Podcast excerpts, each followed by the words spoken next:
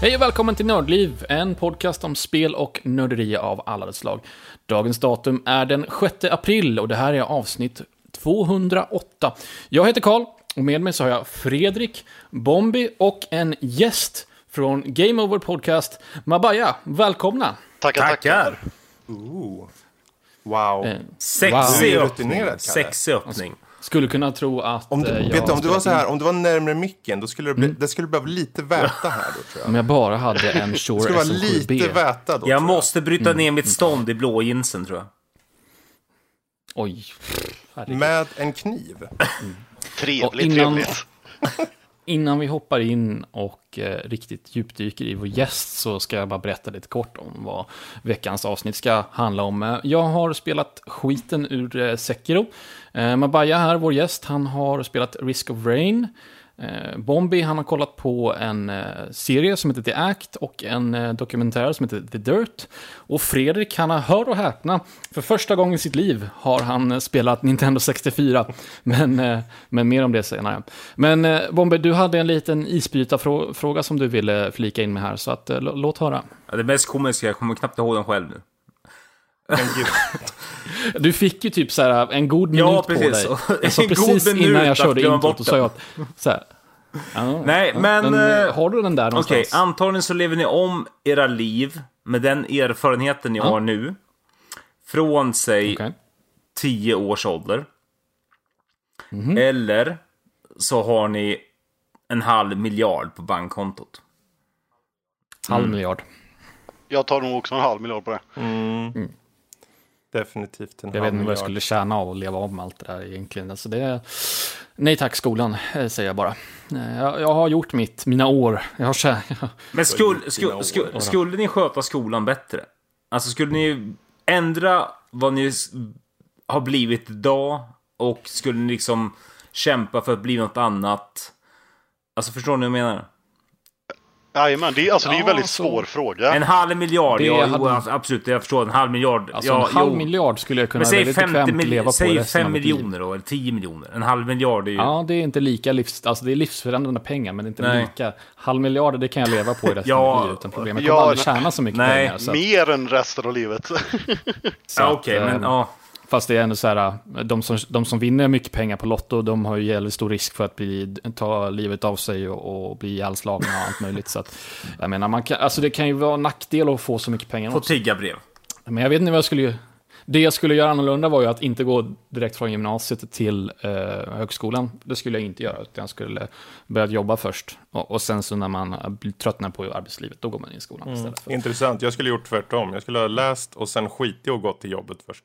Ja, alltså det, det, det Allting finns är ju gräs, för- gräset är grönare på andra sidan. Ja, sådär. alltså det finns ju för och nackdelar, men jag var så extremt skoltrött och bara förbannat trött på att eh, sitta framför skolbänken. Men alltså det, det är klart, man, vi är olika du och jag, Fredrik. ja, det är väl tur det är det. Så. Men det är ju lite så här, för jag gick ju den vägen. Mm. Så det... Men vad säger man, Mabaya då? Ja, nej, jag har suttit här och funderat medan ni pratat Mm. och jag skulle nog fortsätta hålla mig till pengarna. Men Mm. om, jag, om jag skulle gå om skolan så hade jag skött mig bättre i skolan än vad jag har gjort i, i verkliga livet. Hur skötte Gick du dig i så illa skolan? i skolan då? Inte bra alls. Ah, okej. Jag var en av de här som man kallar för ett väldigt stort problembarn. Ja, just det. Mm. Många åtgärdsplaner och Ja. det ena med det tredje. Men du låter ju inte som ett problem. Du låter ju jätte... För jag har lyssnat på Game eh, Over. Jajamän. Och du är alltid jättepepp. Ja, men grejen är att människor kan ju förändras. Ja. Ja, och du blev ju en helt eh, perfekt samhällsmedborgare i alla fall, låter det som. Så att, Lite lagom åtminstone. Jag ska ju inte ta i för mycket nu. Inget perfekt kanske.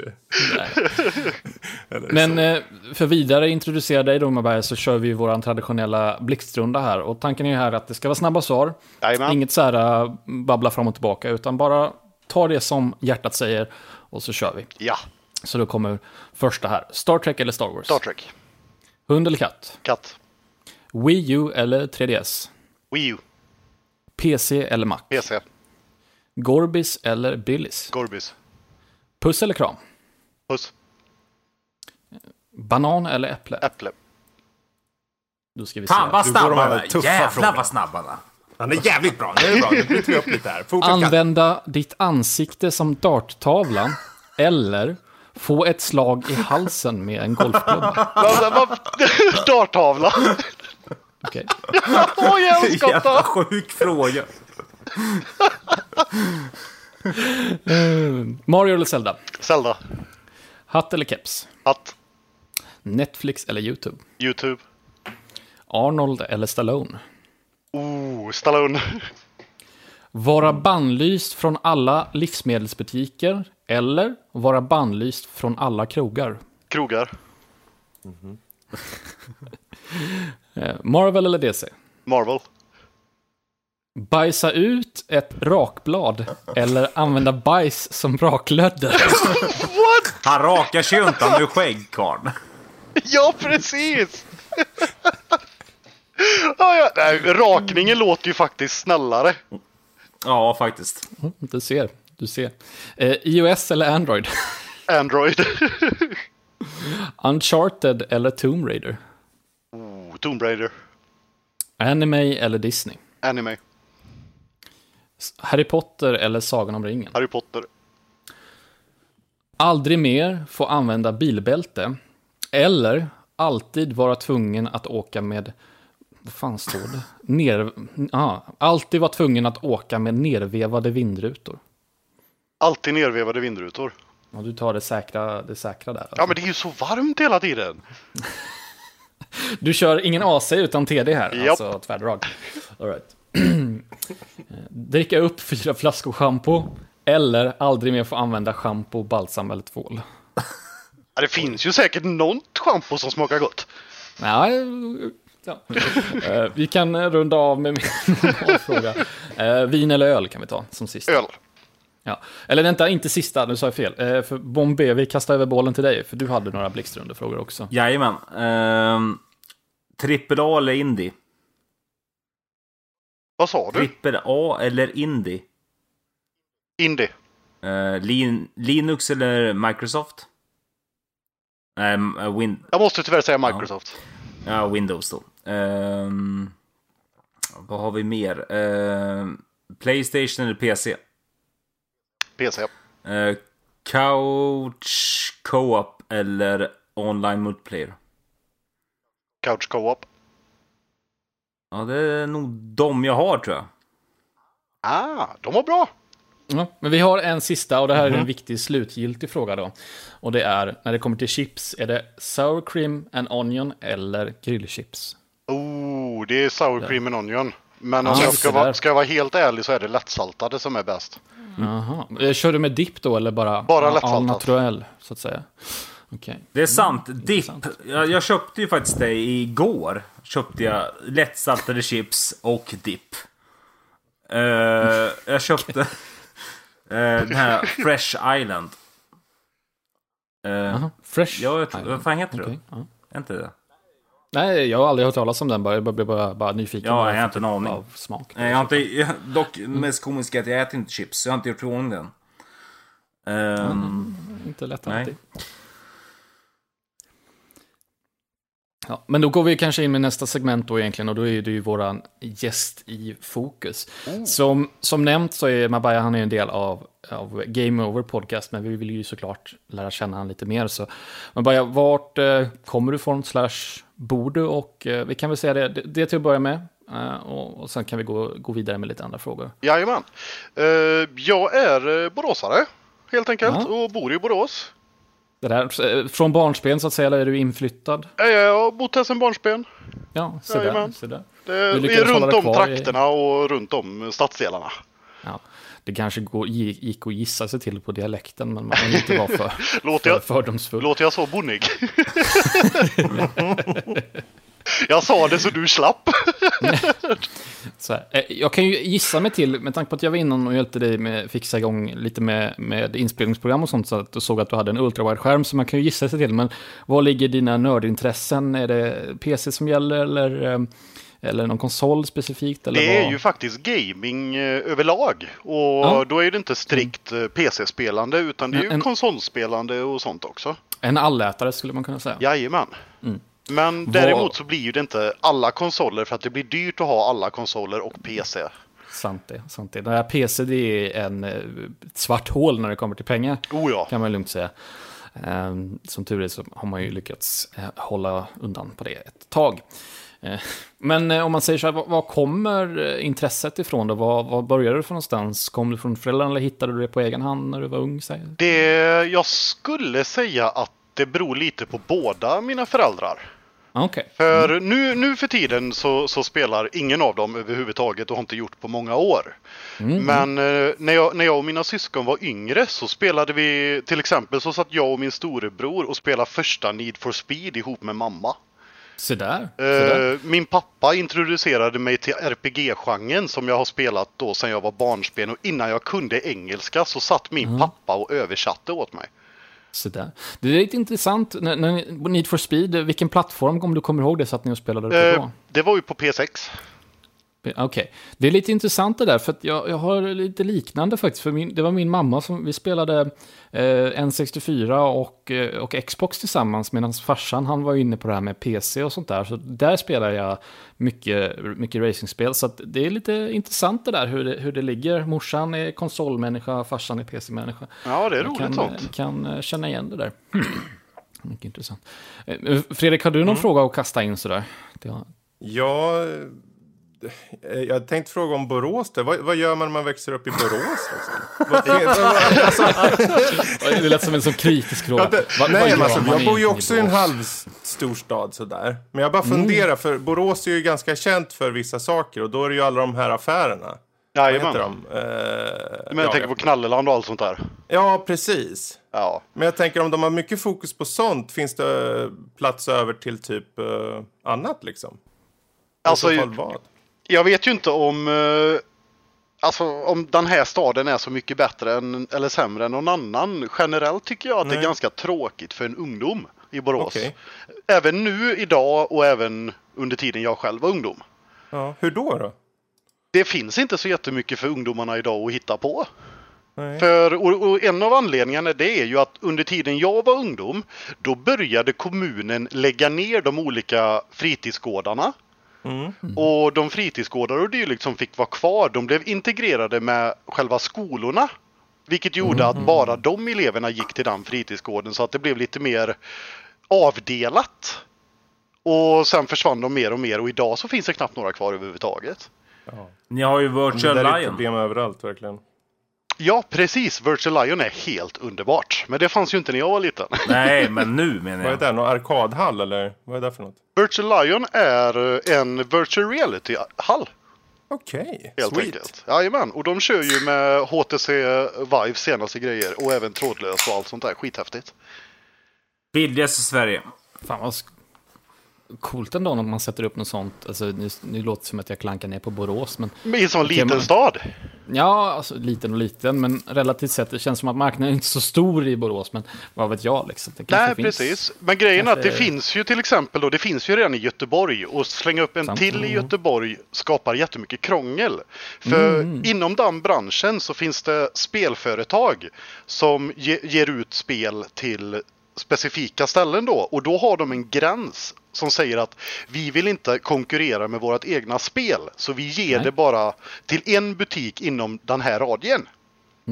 Så att sätta det i Göteborg, då hade ju de förlorat massa spel för att det redan finns en i Göteborg som redan har massa licenser. Helt rimligt resonemang när du lägger upp det på det viset faktiskt. Ja, det var sånt här jag inte hade någon aning om innan. Men vi har ju faktiskt haft eh, Kim från Virtual Lion som gäst i våran podd. Se där. Så då var jag ju tvungen att lägga till lite reklam här för honom. Givetvis. Eh, Jajamän. Man ska fresta folk att att åka till Borås såklart. Ja, nej men grejen är att förbi, så. jag är jätteglad över att vi har den hallen för efter att jag fick verkligen testa på virtual reality så har jag varit helt såld på det och det är så otroligt häftigt.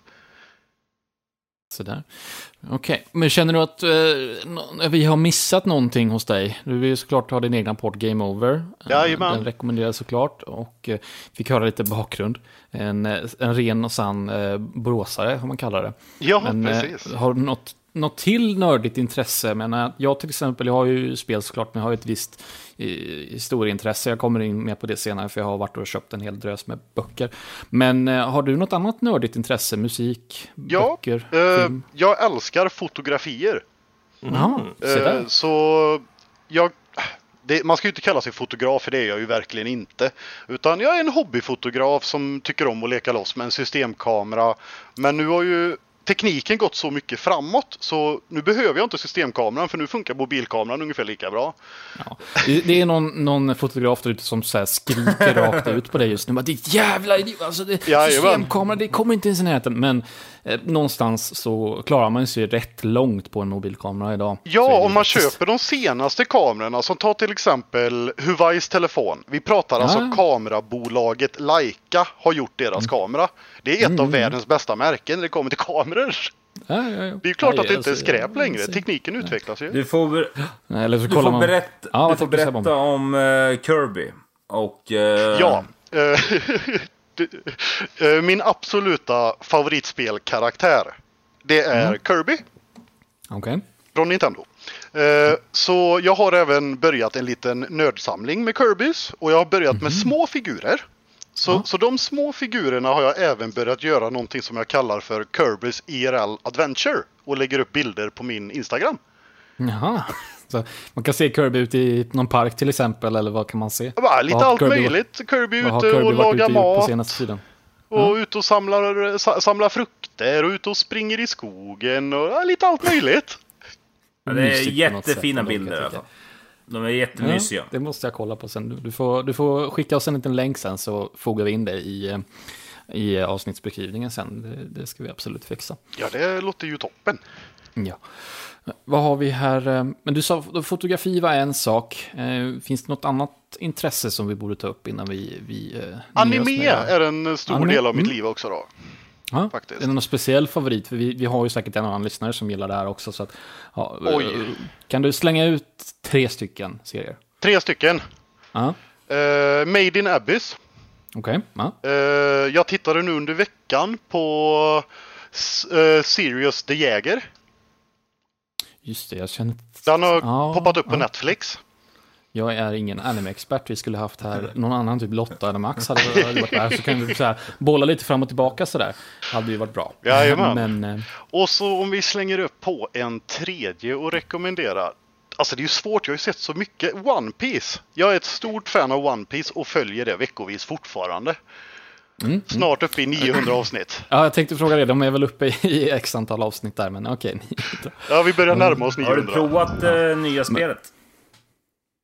Åh herregud, starta inte det samtalet med mig. Jo, jo, jag gör det för att jag lyssnade på ert senaste avsnitt och eh, ja, intressant. Ja, Oh. precis. Det är, alltså, jag vill älska det spelet för jag, alltså, det, jag vill det, men generellt så är det inget bra spel. Om Det, vi av. Ja. ja. vad tänkte du säga? nej, alltså grejen är att om man jämför samma genre, det är ett action-RPG-spel. Mm. Då fattas så himla mycket om du jämför med andra i samma genre. Och pratar vi anime action RPG och till exempel gå in på Sword Art Online-spelen så toppar ju de mycket högre än vad det här nya One Piece-spelet gjorde. Tyvärr. Jag har tyvärr ingenting jag kan säga bu eller bä kring det. Men vi, vi får, jag får lita på ditt ord där helt enkelt. Ja, Ja. läser man de generella reviewsen ute på nätet Ja. så är ju fansen väldigt, väldigt missnöjda. Jaha, okej. Det är synd, för de hade ju ändå chansen att göra någonting bra. Alltså, Ja, de hade de det. hade ju verkligen tipptopp att kunna liksom få någonting att funka. Men de... Ja, och alltså potentialen i den världen och sen också folket de hade bakom sig när de skapade spelet. Det borde blivit så otroligt mycket bättre. Ja. Jag tycker inte om att säga dåligt om spel, fy! Ja, men ibland så måste man ju ändå sätta ner foten. med Hur ska saker och ting bli bättre utan lite, lite konstruktiv eh, kritik sådär. Jo, det är sant. Men som, som avslutande punkt eh, så skulle jag vilja att du nämnde tre saker som du tror att folk inte vet om dig. Oj! Herregud, det, det vet jag ju knappt själv. Desto bättre ändå, jag menar. Ja. Jag är ju, alltså grejen är att jag är en väldigt öppen person. det frågar någon mig någonting så säger jag liksom, jag ärligt svarar på det. Sen, om- sen är det bra. Tänk så här att våra lyssnare här nu som kommer att höra det här avsnittet då, de är en ny person som du har eh, träffat. Vad, om du är en öppen person, vad delar du gärna med dig av då i så fall, intressemässigt? Intressemässigt så är ju det spel. Jag Såklart. pratar ju jättegärna spel med nytt folk för att det kan jag och känner mig trygg i. Men eh, sen är jag inte rädd för att prata politik och religion heller. Och jag tycker sånt är intressant men jag tycker inte om att prata om sådana saker i inom gaming så att säga. Men om, man, Nej, pra- det om man träffar en privatperson eller en ny kompis eller något sånt så kan det vara jättekul att diskutera sånt. Så länge man håller det till en normal konversation och det inte blir massa påhopp och dylikt för att man kanske tycker olika. Ja, men det skulle jag hålla med om. Det är snarare samtalet i sig eller, eller konversationen i sig som är mest intressant än snarare än åsikter och sånt där. Ja. Jag blev bjuden till en, en inflyttningsfest när jag flyttade till Stockholm och eh, där tvingade de in mig i en politisk diskussion och när jag sa vad jag tyckte då blev det jättedålig stämning.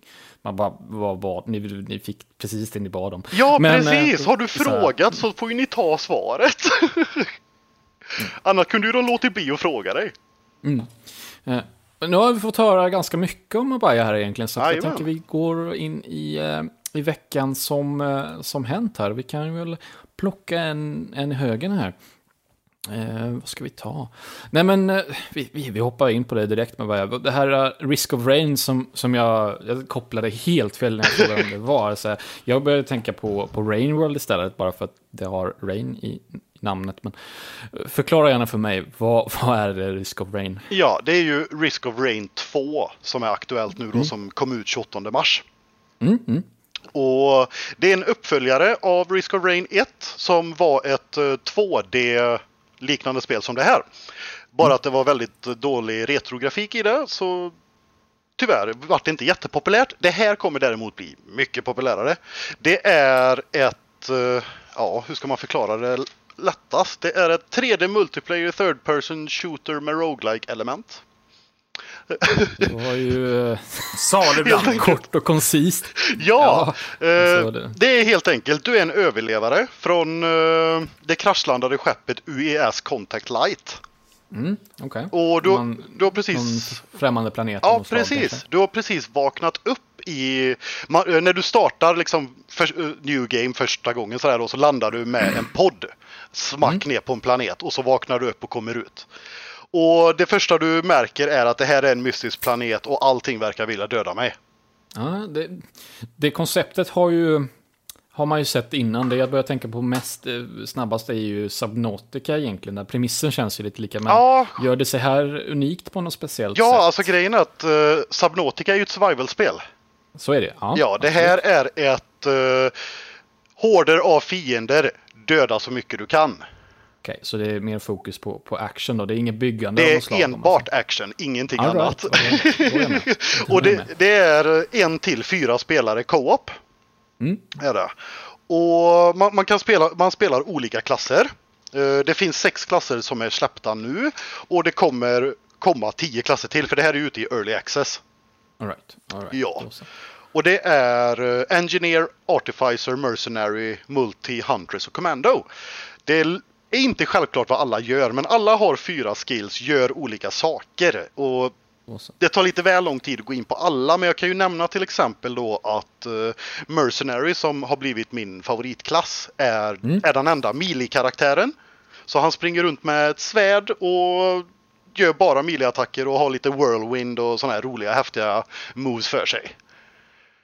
Coolt. Och, och så växer ju spelet hela tiden. Eh, Du, du börjar med skit och ingenting. Du, du kan knappt hitta items ute i världen för att bli starkare och sånt här heller. Men ju mer du spelar, ju mer blir upplåst. Så nästa gång du dör, för att det är ett roguelike spel så förlorar du allting. Men då står det även att nu har du gjort de här grejerna, vilket innebär att du har låst upp dittan och dattan. Så att det kommer spåna nästa gång du spelar. Coolt. Och det är allt från nya fiender till nya items och Och det är lite där Rogue, light-elementen kommer in. Ja, jag sitter och tittar på en, en gameplay-video samtidigt som du förklarar och jag ser det att det blir väldigt snabbt så blir det väldigt hektiskt. För det börjar med att han, han som spelar här, han hittar en liten ensam fiende, pangar ihjäl den och sen helt plötsligt så bara brakar helvetet lös. Och Ja. så kommer det en hel drös med fiender på samma gång. Ja, Men, eh, och det låter ju som att det där är ganska mycket i början. När man kommer ännu längre, alltså vi pratar ju hundratals fiender åt gången. Mm, mm, jag ser det. Jag ser det. Eh, och sen är ju det ännu roligare för att i början då, de första världarna man går på, så kommer man till bossen på slutet. Man ska starta Mm. en portal och så kommer en boss.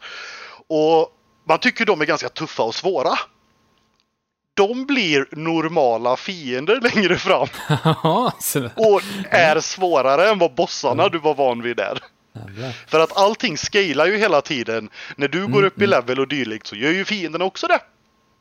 Men, men efter tidens gång då, de här, det som tidigare var bossar, blir de lättare att ta sig an eller förblir deras svårighetsgrad eh, i höjd med det de var när man mötte dem som boss då i så fall? De är lite högre än den svårighetsgraden till och med.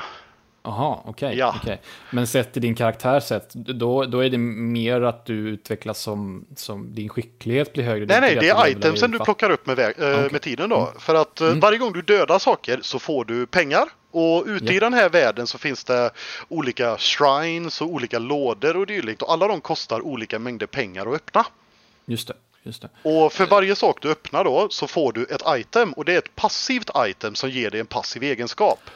Right. Som till Det- exempel om du hittar en som heter Soldier Syringe. Så är det attack speed.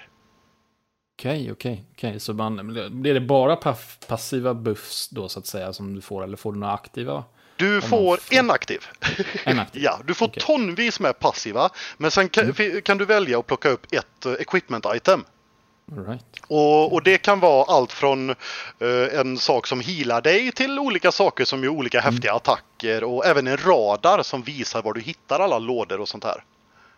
Det, det låter ju rätt positivt till att börja med från, till det här spelet, men vad, vad tycker du om det hittills? Eh, skulle du rekommendera det eller? eh? Jag måste rekommendera det. Jag, Ja. eh, på, på mindre än, eller på tre dagar så var jag uppe i 20 timmar. Ja, det, det är ju ett gott tecken på sitt sätt. Det, det, det är någon form av, av rekommendation. Alltså Men- första gången jag startade, jag satt i fem timmar i sträck. Det är, alltså, det är så sjukt, det var länge sedan jag fastnade så hårt i ett spel. Var det multiplayer på detta? På någon ja, form? det är fyra multiplayer, player ja. co-op. Då så. Eh, spelas det bäst, det är, väl- det är väl en dum fråga kanske, men det spelas det bäst med folk eller går det bra att köra det själv? Det, Alltså, det är inte så här... Det är skitroligt att spela det single player. Det är jättekul att spela det två, tre och fyra. Mm, Eh, lättast blir spelet om du spelar det en eller två spelare. Och, okej, så och, det- det och sen, svårare. ja det scalar ju beroende på hur många spelare du har också då. Mm, ja, men det är rimligt. Så tre och fyra spelare är lite, eh, lite mer kaos och lite svårare, men det är fantastiskt roligt. Det är lite imponerande att man har lyckats få det vara roligt ensam, för det, det var ju lite så här Borderlands-syndromet där, att det var ju världens tråkiga, det är ju världens tråkigaste spel att köra själv. Men kasta in en kompis eller två så blir det ju helt plötsligt lite roligare i alla fall. Jajamän. Så att det är imponerande på sitt sätt, att man kan eh, få det vara engagerande eh, när man spelar det ensam.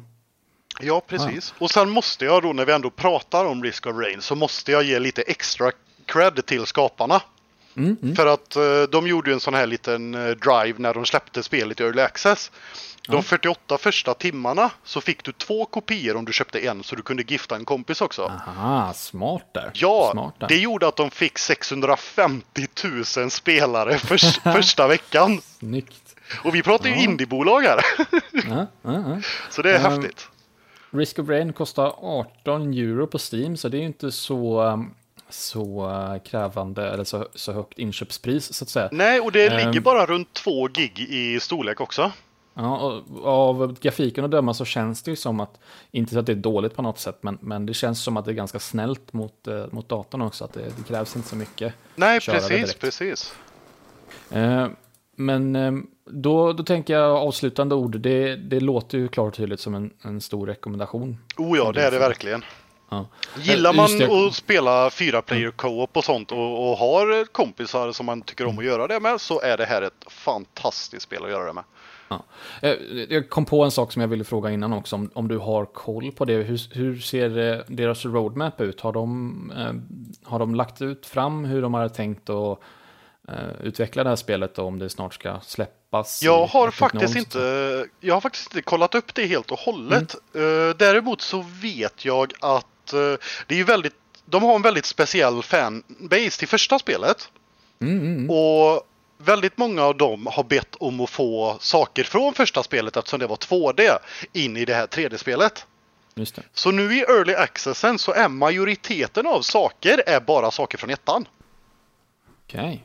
Med ett par nya då. Vi, vi har Multi som är en robot som är en ny klass som inte var med i ettan. Okej. Och sen har vi lite nya items och lite nya fiender. Men generellt så är det ettan i 3D. Och det som utvecklarna har gått ut med nu det är att vi gjorde det här i early access för det var det våra fans ville. Men nu när vi är i early access så ska vi försöka lägga in det nya materialet som inte har funnits innan. Ja, ja. Så det är väl vad jag vet om själva planen då. Ja, det är ju faktiskt skitkul att se när, när en utvecklare lyckas med Early Access och kolla på Steam här. Då är det överväldigande positiva recensioner. Jajamän. Och, eh, för det, det är ju inte alla, alla gånger som en utvecklare lyckas släppa Early Access och eh, ja, hålla till sitt ord alltså och utveckla det vidare och så småningom eh, Nej, vi har ju de här faktiskt lite, utvecklare. lite mörkare som, som har, har helt enkelt slutat spelet när de har fått tillräckligt mycket med pengar. ja, Och sånt är jättetråkigt. Men, men så verkar ju inte fallet här och det, jag tycker jag uppskattar starkt när eh, utvecklare släpper Early Access och de, de inte bara släpper sina spel utan utvecklar klart dem och kanske till och med efter 1.0 att de, de tar det vidare Ja, precis. efter det. Vilket verkar ju som var fallet här att de utvecklarna verkligen älskar sitt spel. Ehm, men det var, det var Risk of Rain här. Nu, det låter ju väldigt tyst från, från resten av våra medlemmar. Så att, eh, Ja, men vi, vi lyssnar ju bara tar in allt det här. Det, det är ju, man vill bara Mm. lyssna. Så är det. Ja, det är underbart att höra. Så- Sånt jävla smicker. Men vad fan, det är ju så! Vad jävla fan i helvete. Ja, Bombi, Ja! Ja, Lever du? är här. oj.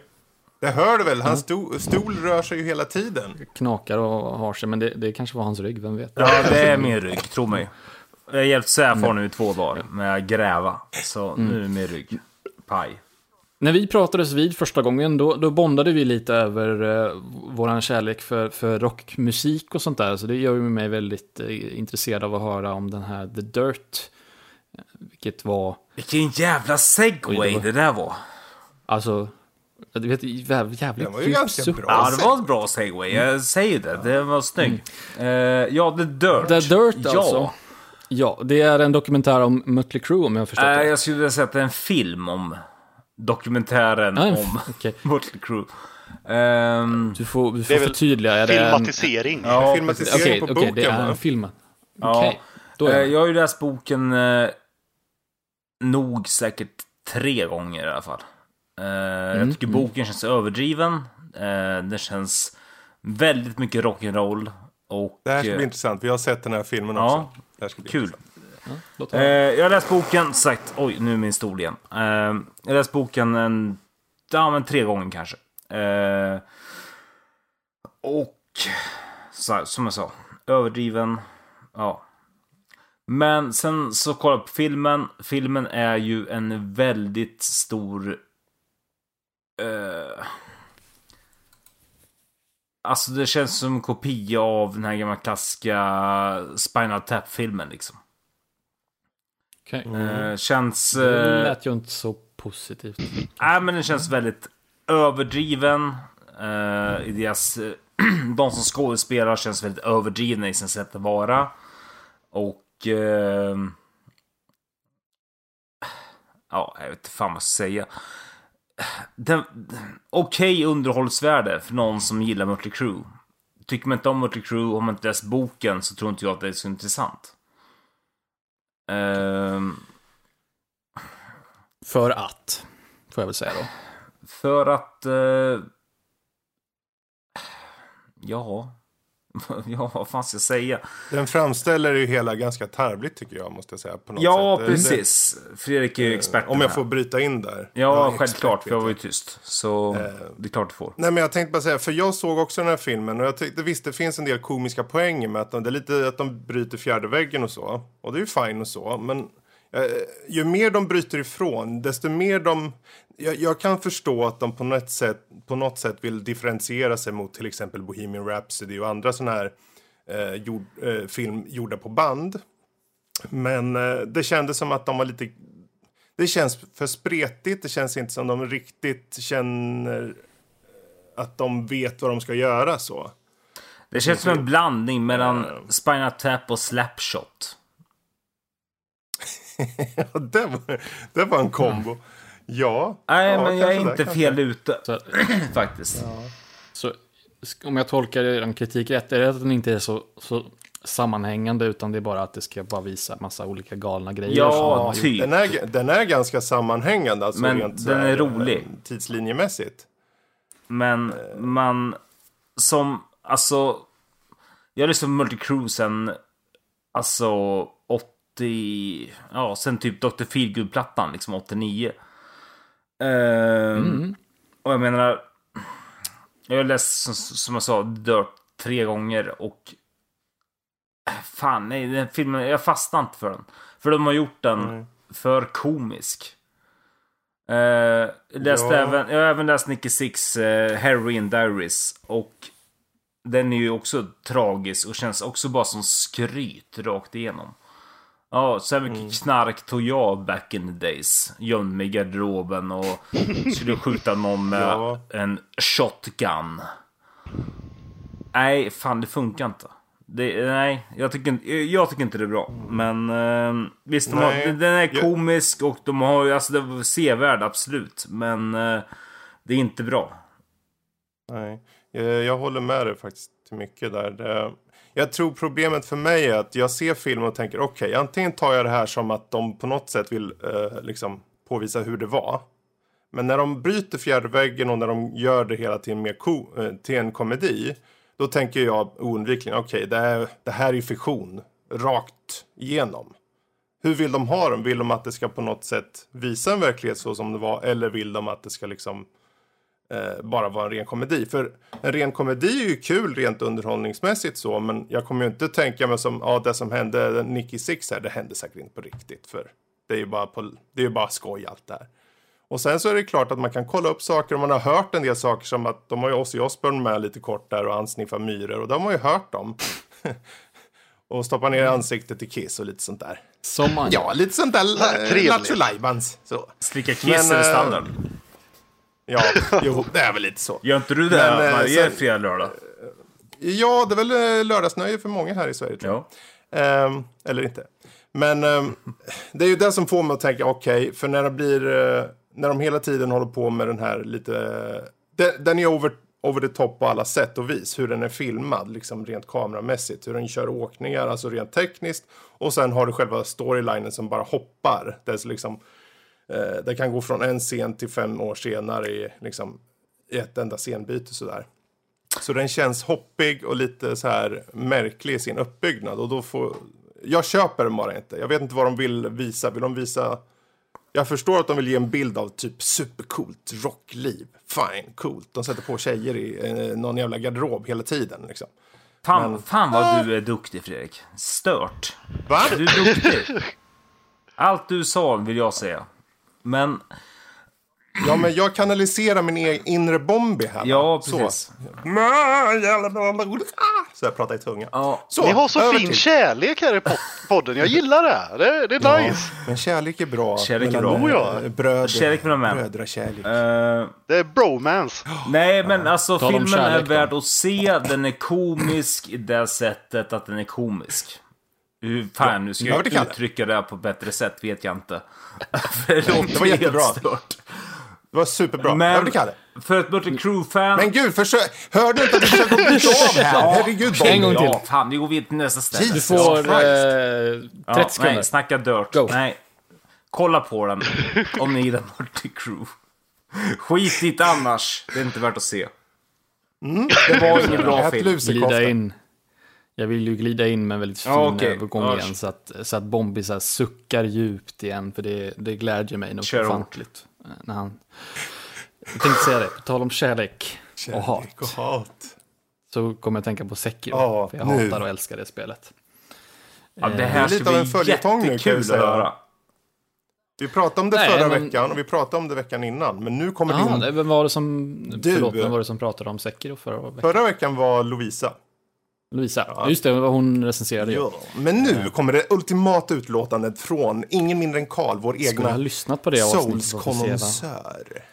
Skulle ha lyssnat på det avsnittet bara för att höra hur, dels hur långt Det de kom. och- ultimata Mm, men utlåtandet finns på hemsidan nördipodcast.se. Gå in och läs. Mm. Eh, Men eh, för de som bryr sig då, för att berätta hur långt jag har kommit. Jag har klockat in 25 timmar Mm. och jag har precis eh, tagit eh, The Guardian Ape. De som vet, de vet. Mm. De som bryr sig, de bryr sig. Ehm, och det här är intressant alltså för att From Software, de har lyckats med något speciellt. De har byggt upp eh, och lärt sina spelare en viss spelstil. Mm. Eh, som, man har, som man har lärt sig över de här tre eh, Dark Souls-spelen. De blandar upp det lite grann, Bloodborne. Det är lite mer aggressivt spel där. Ehm, inte, inte riktigt så passivt som det kan ha varit i Dark Souls. Men eh, nu i Sekiro, då har de verkligen vänt allting upp och ner. Man får glömma bort allting man har lärt sig eh, från Dark Souls. För I mångt och mycket så är ju spelet läget samma sak. Det är många mekaniker som, som kommer tillbaka. Men grejen är det att de har ändrat eh, kärnan i det. Så man får lära om sig mycket. Och det kommer till, när det kommer till fightingen. För i Dark Souls, eh, visst man hade sin, sin sköld och sånt där. Men när det kom till bossar specifikt. Eh, då, då fanns det ju en taktik egentligen som, som, som funkade. Och det var ju liksom att dodga runt, få in ett eller två slag, dodga runt, få in ett eller två slag och lära sig liksom eh, bossens attackmönster. Och sen så, ja, eh, bara lära sig och se när de eh, visar vad de ska göra för attack nu och agera eh, ja, eh, så, enligt vad, vad man har lärt sig. Medan i Sekiro, där kan man inte vara så passiv. Det, det går inte att eh, bara eh, hoppa runt, ta ett eller två slag, hoppa runt, ta ett slag. Man måste vara aggressiv i Sekiro. Man kan inte bara va- vara passiv och eh, peta på dem ibland tills de dör.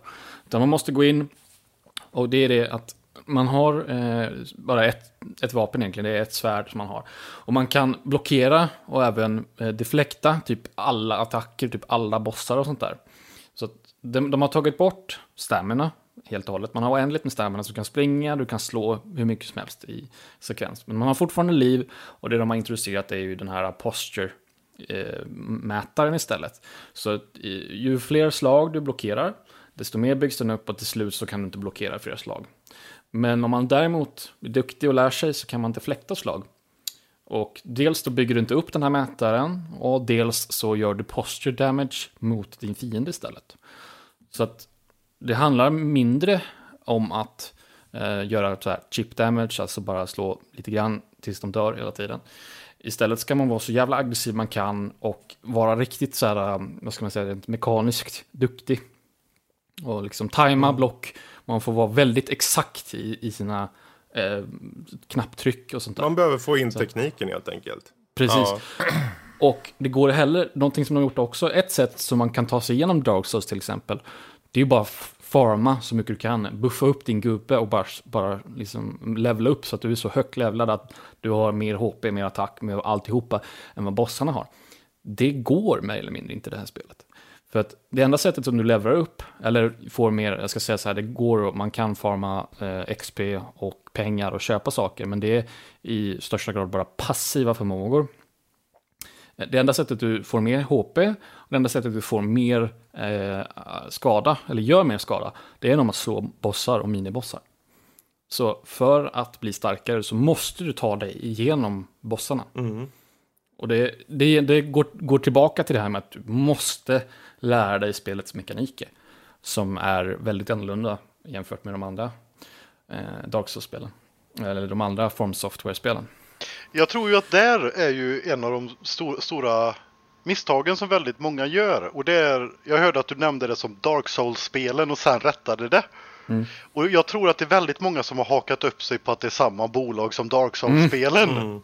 Ja, men det är inte Dark Souls. Nej, det är ju Alltså, det det inte är. Precis. Men jag tycker det är roligt Ehm. att höra det, för det är väldigt många som, som uppfattar det så till som väl spelar det själva. Mm, mm. Och det, det Ja, fy fan, det här spelet alltså. Jag älskar det. det. Jag satt här, jag kom till den här bossen då, The Guardian Ape. Och som man kan eh, antyda på namnet så är det en, en stor apa. Eh, och den här, den här jäveln alltså, den har två faser. Jag satt, jag kom till den bossen i, eh, ska vi se här, i onsdags. Det här är lördag nu när vi spelar in. Så kom jag dit i onsdags, gjorde några försök, fick as mycket däng. Jag tänkte, ja men då, då lägger vi ner det här, sover på att och så kommer jag tillbaka. Och sen i torsdags då satte jag mig ner, nu jävlar ska vi slå den här bossen. Och det gjorde jag till slut. Men det tog fyra timmar. Bam! uh, så här, då har man ju verkligen lyckats med sin speldesign om man träffar på ett sånt stort motstånd. Man slår in i en sån vägg, men verkligen ser att det här går. Jag kan lyckas bara jag ger fan på att, Men- det ska gå. Ja, och sen Hur- att de lyckas hålla dig där så länge. Hur känns det? Är belöningen... Jag, jag har aldrig spelat Souls-spelen. Jag har dem i hyllan hemma. Ja. Men vad är belöningen värt? Fyra timmars battle? Om du frågar mig. Ja, för den här jävla apan då, jag ska gå in lite mer på den här. Eh, De, de, alltså, de som inte vill, de får väl hålla för öronen. Så jag kan väl så säga en allmän spoilervarning. För det, det var ganska speciellt, eh, en speciell eh, upplevelse. Spoiler, hoppa Det 20 kommer- minuter. För nu kommer det dra ut på tiden. Ja, det vet jag väl. um, men du kommer till en sån här, vad ska man säga, det, det är som en stor valley som kommer in. Där sitter den här jävla apan och pillar sig i naveln. Och så hoppar man ner och så, hittar, så reagerar han och så börjar bossfighten. Och det, det man ser är att den här apan har ett stort jävla fet svärd i halsen. Och när man har slagit ner i första fasen, då, då får man ju sån där uh, death blow som det heter, som man gör ett så här finishing move. Då tar man och då tar ens karaktär automatiskt och liksom hugger tag i det här svärdet som sitter i halsen och bara river av hela huvudet. Och sen så, det här extra, det är extra eh, så här röviga de gör, att det kommer upp en sån här skärm, det står Shinobi Execution och det står det när man har slagit Ja. en boss. Och så den apan, den ligger där på marken, huvudet är avrivet, alltså helt, det är avhugget helt. Så står den där och så går det kanske 15 sekunder. Och så lever den här jävla apan upp igen.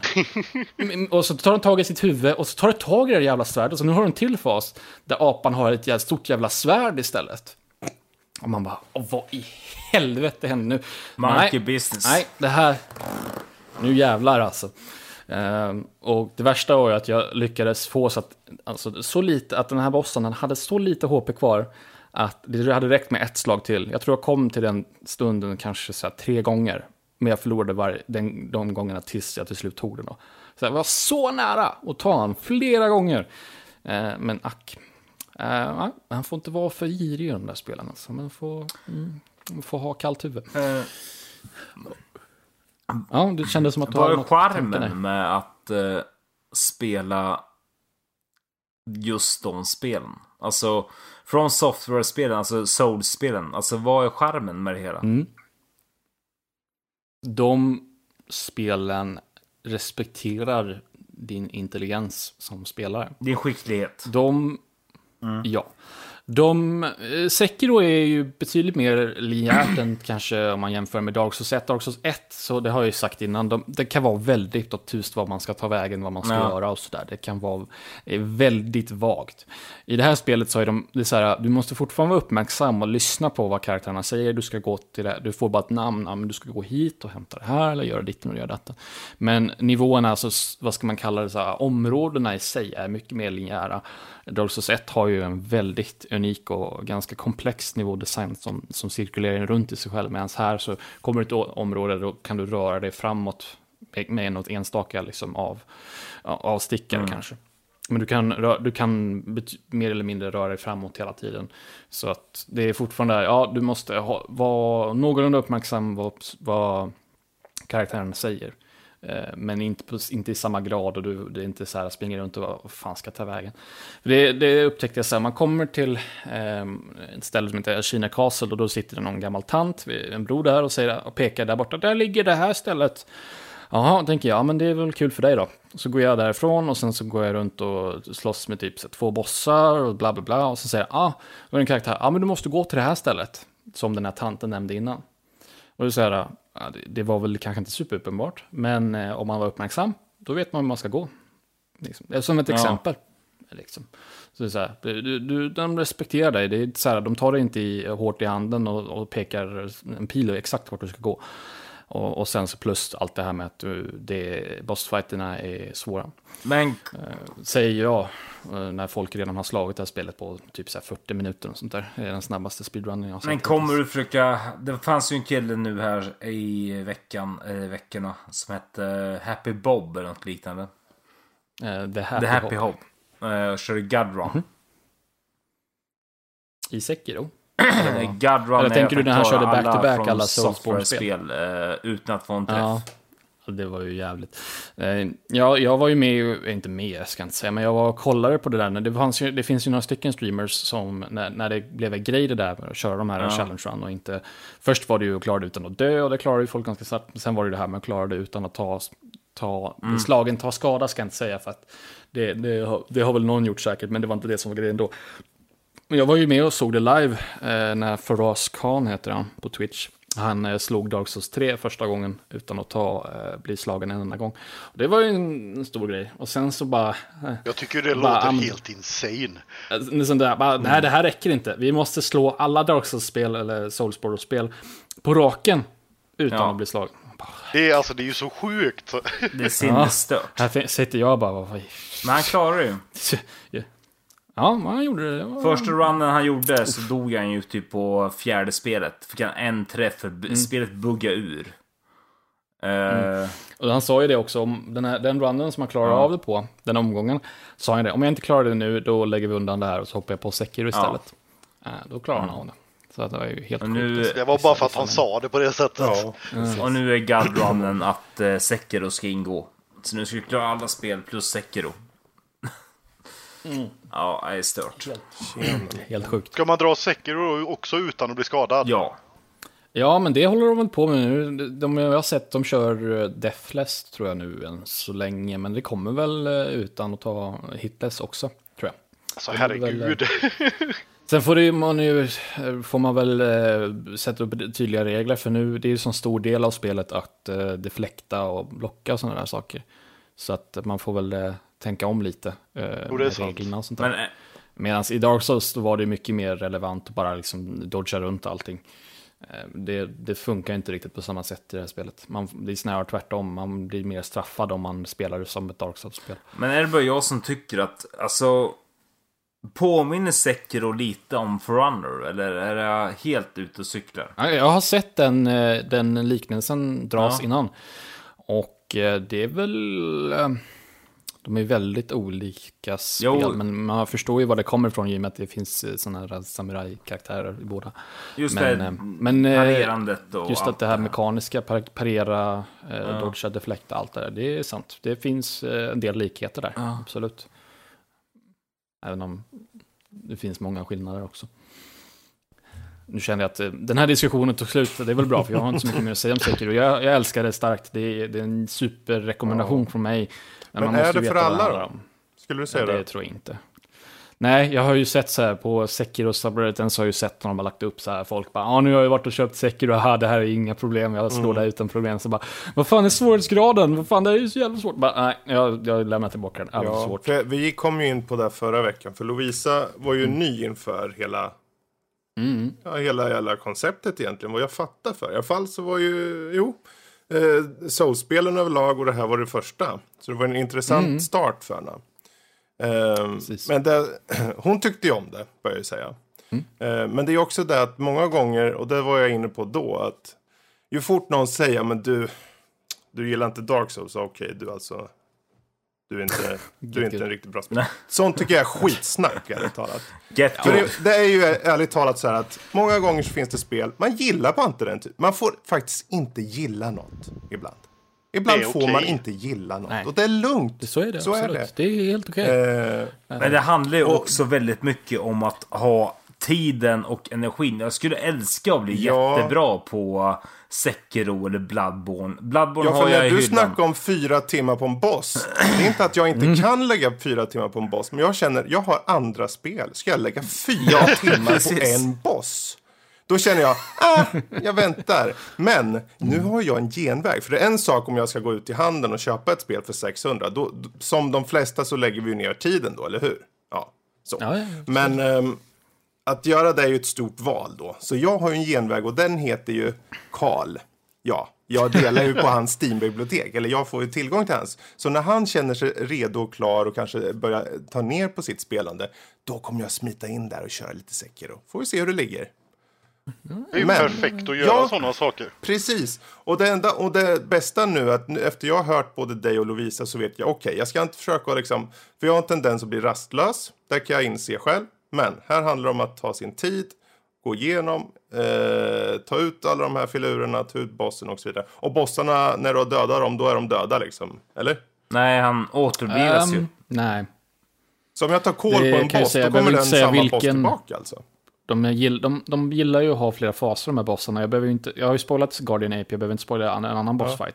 Men det är en annan bossfight också som, som man dödar bossen och sen bara "Haha, det var bara en illusion, nu ska du få slåss mot mig på riktigt. Jo, jo, men faser är en sak. Jag menar om du klarar båda faserna, när den är död, död, död. Ja, men det, det målas upp som att det bara är, ja, men för de, eh, så här då, bossarna, de kan ha, man, i praktiken så kan det vara att de har till exempel två eller tre health Mhm. bars.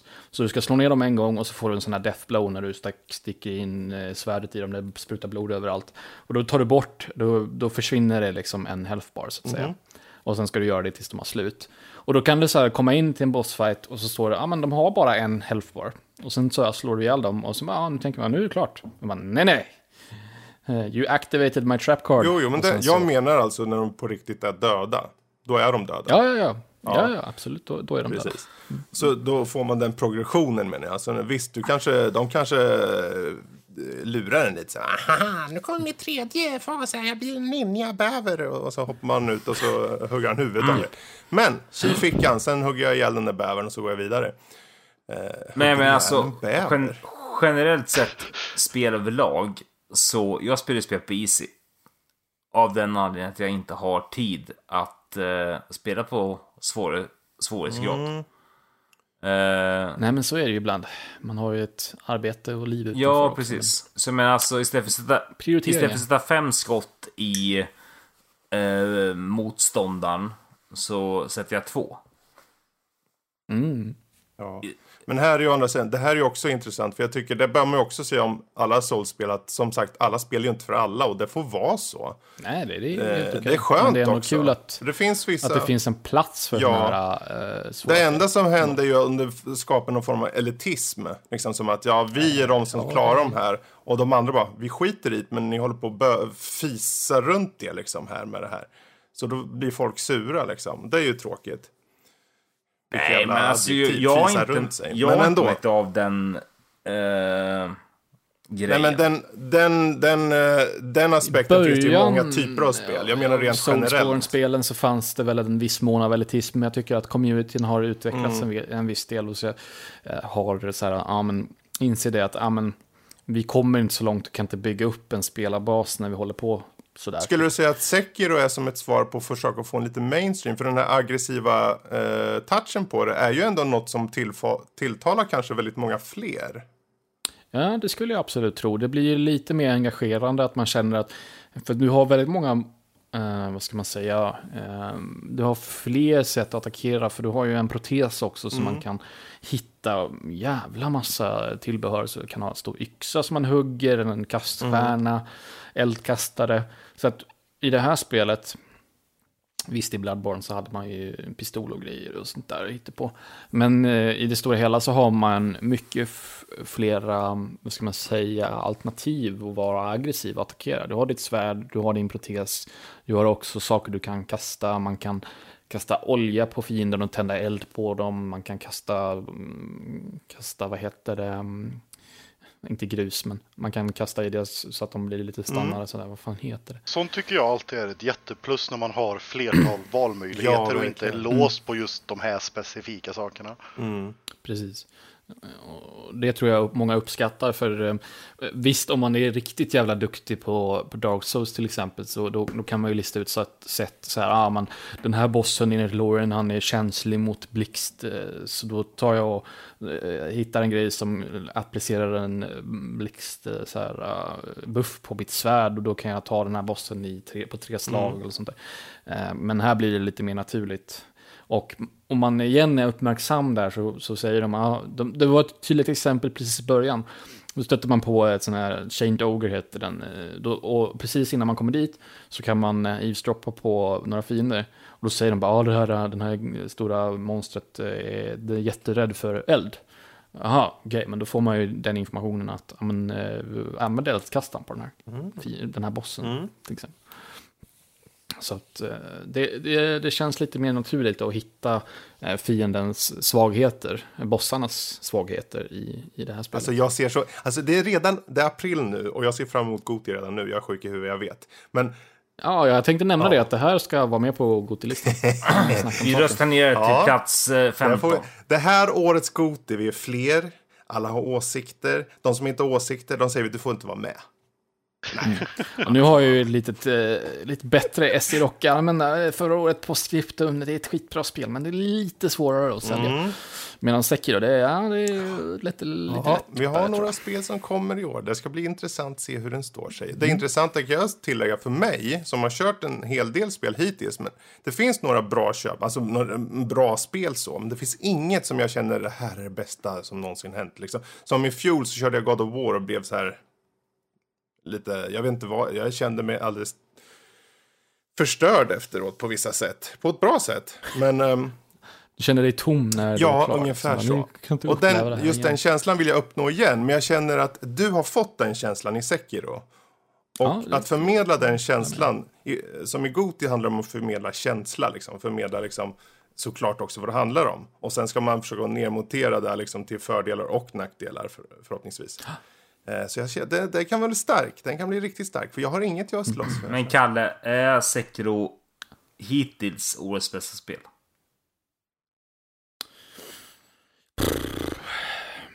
Ja, det, året har väl börjat lite svagt. Vad, vad finns det mer för spel Fast som det är ju kan... klart, det är lite svårt att säga. Du, det är ju inte som att du har kört alla spel. Nej, men jag bara tänker allmänt vad mottagandet har varit. Resident Evil spel, 2, det- remake. Ja, Kingdom Hearts. Nej, nej. Kingdom Hearts. Den, den ska vi se var den hamnar kan jag säga det. Eh, För min del så är det årets bästa spel Mm. hittills. Det har, ju, det har ju kommit väldigt många spel, men de har ju gjort så många fel med spelen som har kommit hittills Det jag tyvärr. kommer att tänka på är ju Anthem. Åh, oh, Anthem! Eh, Ja. Ja, Men apropå Bioware. Anthem. Vad tänkte Ja, jag då? tänkte för det, om vi ska gå ifrån Sekiro. Ja, det kan vi göra. För jag vet inte om ni såg den här artikeln från Kotaku angående just Anthem. Jo, men men den har jag inte läst, men jag har hört den, talas Ja. om den. Det är en jäkla vad lång. Alltså det, han har 19 källor typ och sen går han igenom liksom punkt för punkt. Jag vet inte hur många, om det är 20 Mm. sidor någonting. Men, men Fredrik, du, har du, om du har någorlunda koll på den här artikeln, så om, för de som inte har läst den, vad, vad handlar den om i grund och botten? Mm. Alltså där? i grund och botten ham- handlar det om just hur eh, spelet togs fram. Eh, Från eh, hur le- eh, liksom ledarskapet på eh, Bioware egentligen till lika stor, har lika stor skuld, om inte mer, än själva EA. Faktiskt. Mm, okej. Eh, dels så har väldigt många slutat och det, där gick de igenom många av de här källorna och sa att det var kaos. För de, de tog fram eh, koncept, alltså de första fem åren är konceptuellt. Ja, som jag uppfattar det Ja. så har ju de fått göra om och börjat om och inte Precis. riktigt vetat vad, vad spelet ska vara Nej. för någonting ens. Nej. Jag menar 2017 när de hade den här revealen på att visa game, en trailer. Då visade det sig eh, att eh, där visste inte dev-teamet vad det var för något. Då fick de, aha, De hade, så det är alltså de hade ju slängt alltså? ihop det. Okej. precis. De hade, om jag uppfattar det korrekt så hade de slängt ihop den flyggrejen typ veckan innan Mm. bara. Och egentligen var inte ens tanken att de skulle ha med det. Nej. Nej. Alltså de har ju flera gånger fått börja om processen med hur spelet ska vara. Det har liksom inte varit tillräckligt eh, klara direktiv på vad som ska göras och så vidare. Eh, och eh, de, de crunchade egentligen, vad var det, 12 till 16 månader för att få klart spelet. Det, det är tiden för spelet gjort. Så eh, Crunch, det ska ju vara en alltså månad eller två 2017 i sig. fanns inte spelet. No. Ja, nej. Det är inte så konstigt att det inte blev så. Men hur, hur kommer det här gå för Bioware då? De släppte ju Andromeda Så, eh, Mass Effect också. ja. och, Och, men- det är ju lite så om man tittar på det spelet, Mass Effect, Ja, så det hade det lite av samma problem. skräp. Eh, Jag, jag vet inte om jag skulle säga skräp så mycket som det är Vilket Mass Effect är det du kallar skräp? Andromeda kallade han skräp. Nej, det är inte skräp! Problemet med Okej, Andromeda det, var det att håller inte samma klass, Nej. men det är själv, det, jag tycker det är ett fantastiskt bra spel. det kändes bara copy and paste tyckte jag. Det kändes själlöst. Det kändes lite som att vad känns trendigt just nu vi för in det. Okej. Och, men, det var, men här är ju precis som, eh, som Nej, Abaja är inne på där. Jag vill höra Alla är Bajas, splittrade där. jag vill höra Bajas eh, försvarstal där. Nej, men jag tänkte, annars tänkte jag säga det att det är väldigt splittrat här. För många tycker ju, och med rätta, det finns mycket bra i det. Gör det, Mass Effect Andromeda. Det är just det att säljsiffrorna gick väl inte så som de hade prognostiserat riktigt. Eh, och om man ser utvecklingsteamet eh, eh hur det låg till då. Många hade redan slutat då. Eh, och sen fortsatte det egentligen med Anthem då. Eh, så det var egentligen det jag ville komma till. Eh, Men vi kan annars höra lite om du vill, Bombi. Vad, vad känner du Mabaya om just Andromeda i, i allmänhet? Jag, jag gillar ju det, det väldigt mycket, Mm. men eh, jag är väldigt udda när det kommer till vad jag tycker om för spel när, med vad generellt andra tycker om för spel. Ja, Jag har en tendens till att gilla spelen som de flesta bara hatar på. har du kört Anthem då? ja, jag älskar det. Ja, men du ser. Eh, ja, Men grejen är att det är så, det, Anthem är ju ännu mer problematiskt. Mm. För att Anthem har potentialen. Mm. Det är vrålsnyggt. Det är skitkul att vara ute och flyga. Du kan spela Anthem i en månad och sen är hela spelet slut. Mm. Och de gick ut med att det skulle vara ett spel som aldrig tar slut. precis. Det är ju också något de kom till i artikeln, att de med, med flit satte upp barriärer i spelet bara för att man skulle egentligen få stopp i, i- för spelaren så att de då eh, helt enkelt fick vänta in vissa saker och så. Ehm, och de hade egentligen fler saker som skulle bryta upp spelupplevelsen som, som kanske skulle också föra in mikrotransaktioner på en helt ny nivå. Men där slopade de i sista sekund. Det var nog bra. Ja. Ehm, så som i alla fall den här artikeln går ut på, den är väldigt lång, ni kan läsa den själva på Kotaku om ni vill. Eh, så är det ju då att hela utvecklingsprocessen som sagt var väldigt kort och problemet till stor del var Frostbite i sig som är väldigt väldigt svår att hantera och då fick de som sagt direktiv att förändra. Okej, ni, det här med ehm, att ni flyger, ta bort det. De, de får bara springa, okej. så. Och sen så satte sig Patrik Söderlund, eller vad han hette, han före detta CEO. Och han bara, nej men vad fan är det här? Nej, de måste ju flyga. Ja, då fick de ju om det. Och just det här med att förändra från att ha allting eh, eh, där du styr runt i, i en halvöppen värld, liksom, eller öppen värld från, från höjden eller från marken är ju väldigt två skilda saker rent nivåmässigt, alltså level designmässigt. Oh ja. Eh, så det blir, det blir stackar alltså. Ehm, Ja, de har haft Tänker- problem. Det har de Ja. verkligen haft. De har fått kämpa hårt. När man, när man när det kommer till design-tankevurpor så får man ju, de tog ju upp, eh, jag har sett det här med att första vapnet du får är ju bättre än så här late game-vapen till exempel. Ja, Och det är det, här det är bara- ju fantastiskt roligt hur de gjorde den tabben också. Det handlar ju om level scaling. Precis. Och, och, så, och, och de hade aldrig förväntat sig att någon av de högre levlade skulle testa ett litet nybörjarvapen. Så de visste om felet. Det är ju Det är det skitklantigt. värsta. Ja, det är det. Men ack så jävla roligt. Ja, det är så kul humoristiskt klantigt. Ja, det, man ställer sig dock, för det är en fråga om, alltså det är en sak om spelet åtminstone säljer okej, för då kan den åtminstone få Bioware att flyta lite vidare. Men, Ja, men i nuläget alltså det- är det ju det- ärligt talat rent eh, prognosmässigt och eh, finansiellt en katastrof. Ehm, Jag såg att de droppade ju här i veckan så droppade de en patch med patch, Okej. note ut, patch notes utan dess lika. Så det var så, Ja. så mycket. Ja, alltså buggar och sånt. till. När jag körde ett, ehm, så kände jag väl mest att det som det, det som det saknade för min del var egentligen att det kändes som att det inte fanns en passion i att få fram en story. Den storyn som finns, Mm. eller vad man ska kalla det, det känns som någonting som de bara, ja men vi slänger in något. Skitsamma, de gillar något skit bara. Det, och då tänkte jag, det här är Bioware. Eller, Mm. idag är det inte Bioware. Vi får, vi får försa- för någonstans försaka Ja, det är ju ny med. personal. Ja, det finns ju inte en käft kvar nästan. du har någon CEO här någonstans, någonstans som kanske känns... Men de använder ju ett märke som vi spelarna är Mm. väl medvetna om att damn, det här har en skön story om det kommer Mm, från det här, det här företaget. Så det är ju det man förväntar sig egentligen Ja. också. Jo, precis. Det är så här, Uh, nu har jag bara spelat demot så ta det jag säger med en nypa salt. Men det var egentligen två saker som, som gjorde att jag inte jag tappade intresset helt. För när jag såg det här, de visade upp det och man kan ändå flyga runt och skjuta, jag tänkte det ser ju jävligt kul ut. Men det de gjorde var, eh, ändrade i, eh, i spelandet. Först så presenterades det som att man skulle kunna flyga hur mycket som helst. Alltså bara flyga runt fritt. Hur mycket som helst, inga begränsningar. Så var ju inte fallet, utan du kan ju inte flyga i all oändlighet, utan du har ju en sån här liten mätare som dyker upp. Ja, en överhettningsmätare. Precis, och det, det var ju en ganska st- stor eh, Däremot så har de ändrat lite saker gällande det från demot. Är det så? Om du Jaså? dyker väldigt hårt så, så dämpas eh, Aha, överhettningen. sådär. Om du flyger igenom vatten, för du kan ju åka ner i vatten också, Mm. Ja, just det, just eller genom ett vattenfall, då får du 0% på, eller på over- overheaten igen då. Ja, ja, ja. Det var dels, dels det, det, det är ju bra att de har fixat till det lite grann, men det känns fortfarande irriterande att eh, man gått från att presentera det som att man skulle kunna flyga runt i, i all oändlighet till, till att vara en viss begränsning. Jajamän, jag håller fullständigt med dig.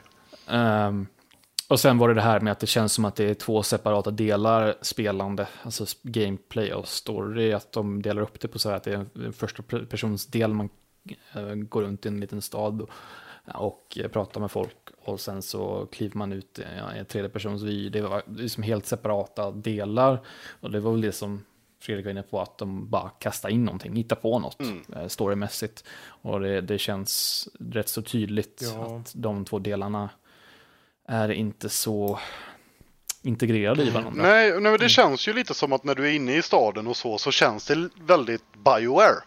Och så när du kommer ut och slåss så känns det mer som, ah, generellt FPS-spel.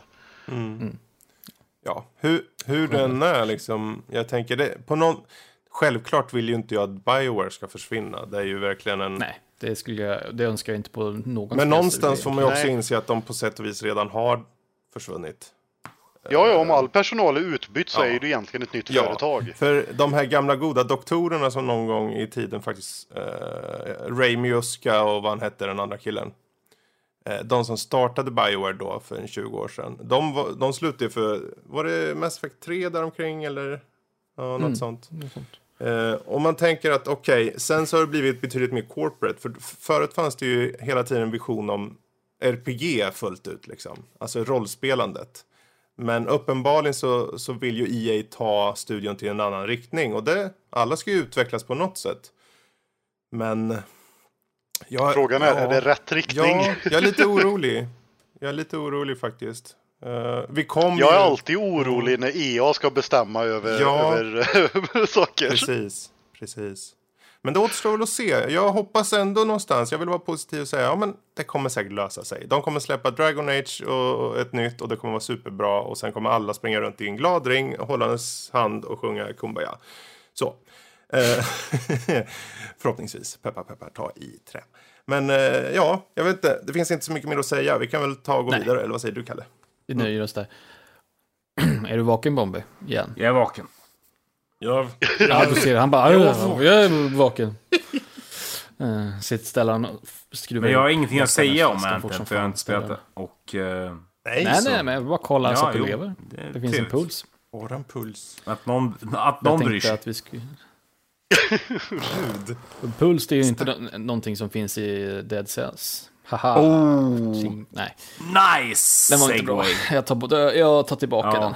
den. Bombi, vad är Dead Cells för någonting? Ja, Dead Cells var... Ett av det årets bästa spel, tack. Ja, precis. Eh, Fredrik, eh, on the point. Eh, nej, fan. Alltså, så här var det. Jag lyssnade på eh, Kontrollbehov, eh, podden.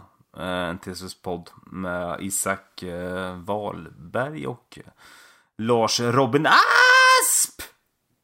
Oj. Han gör en liten... Eh, kopierar Isak där alltså? Ja, faktiskt. Ganska likt. Ja, ja, det Ehm, lite likt. Nej, men eh, de snackar Dead Cells. Eh, och eh, nya uppdateringar och så.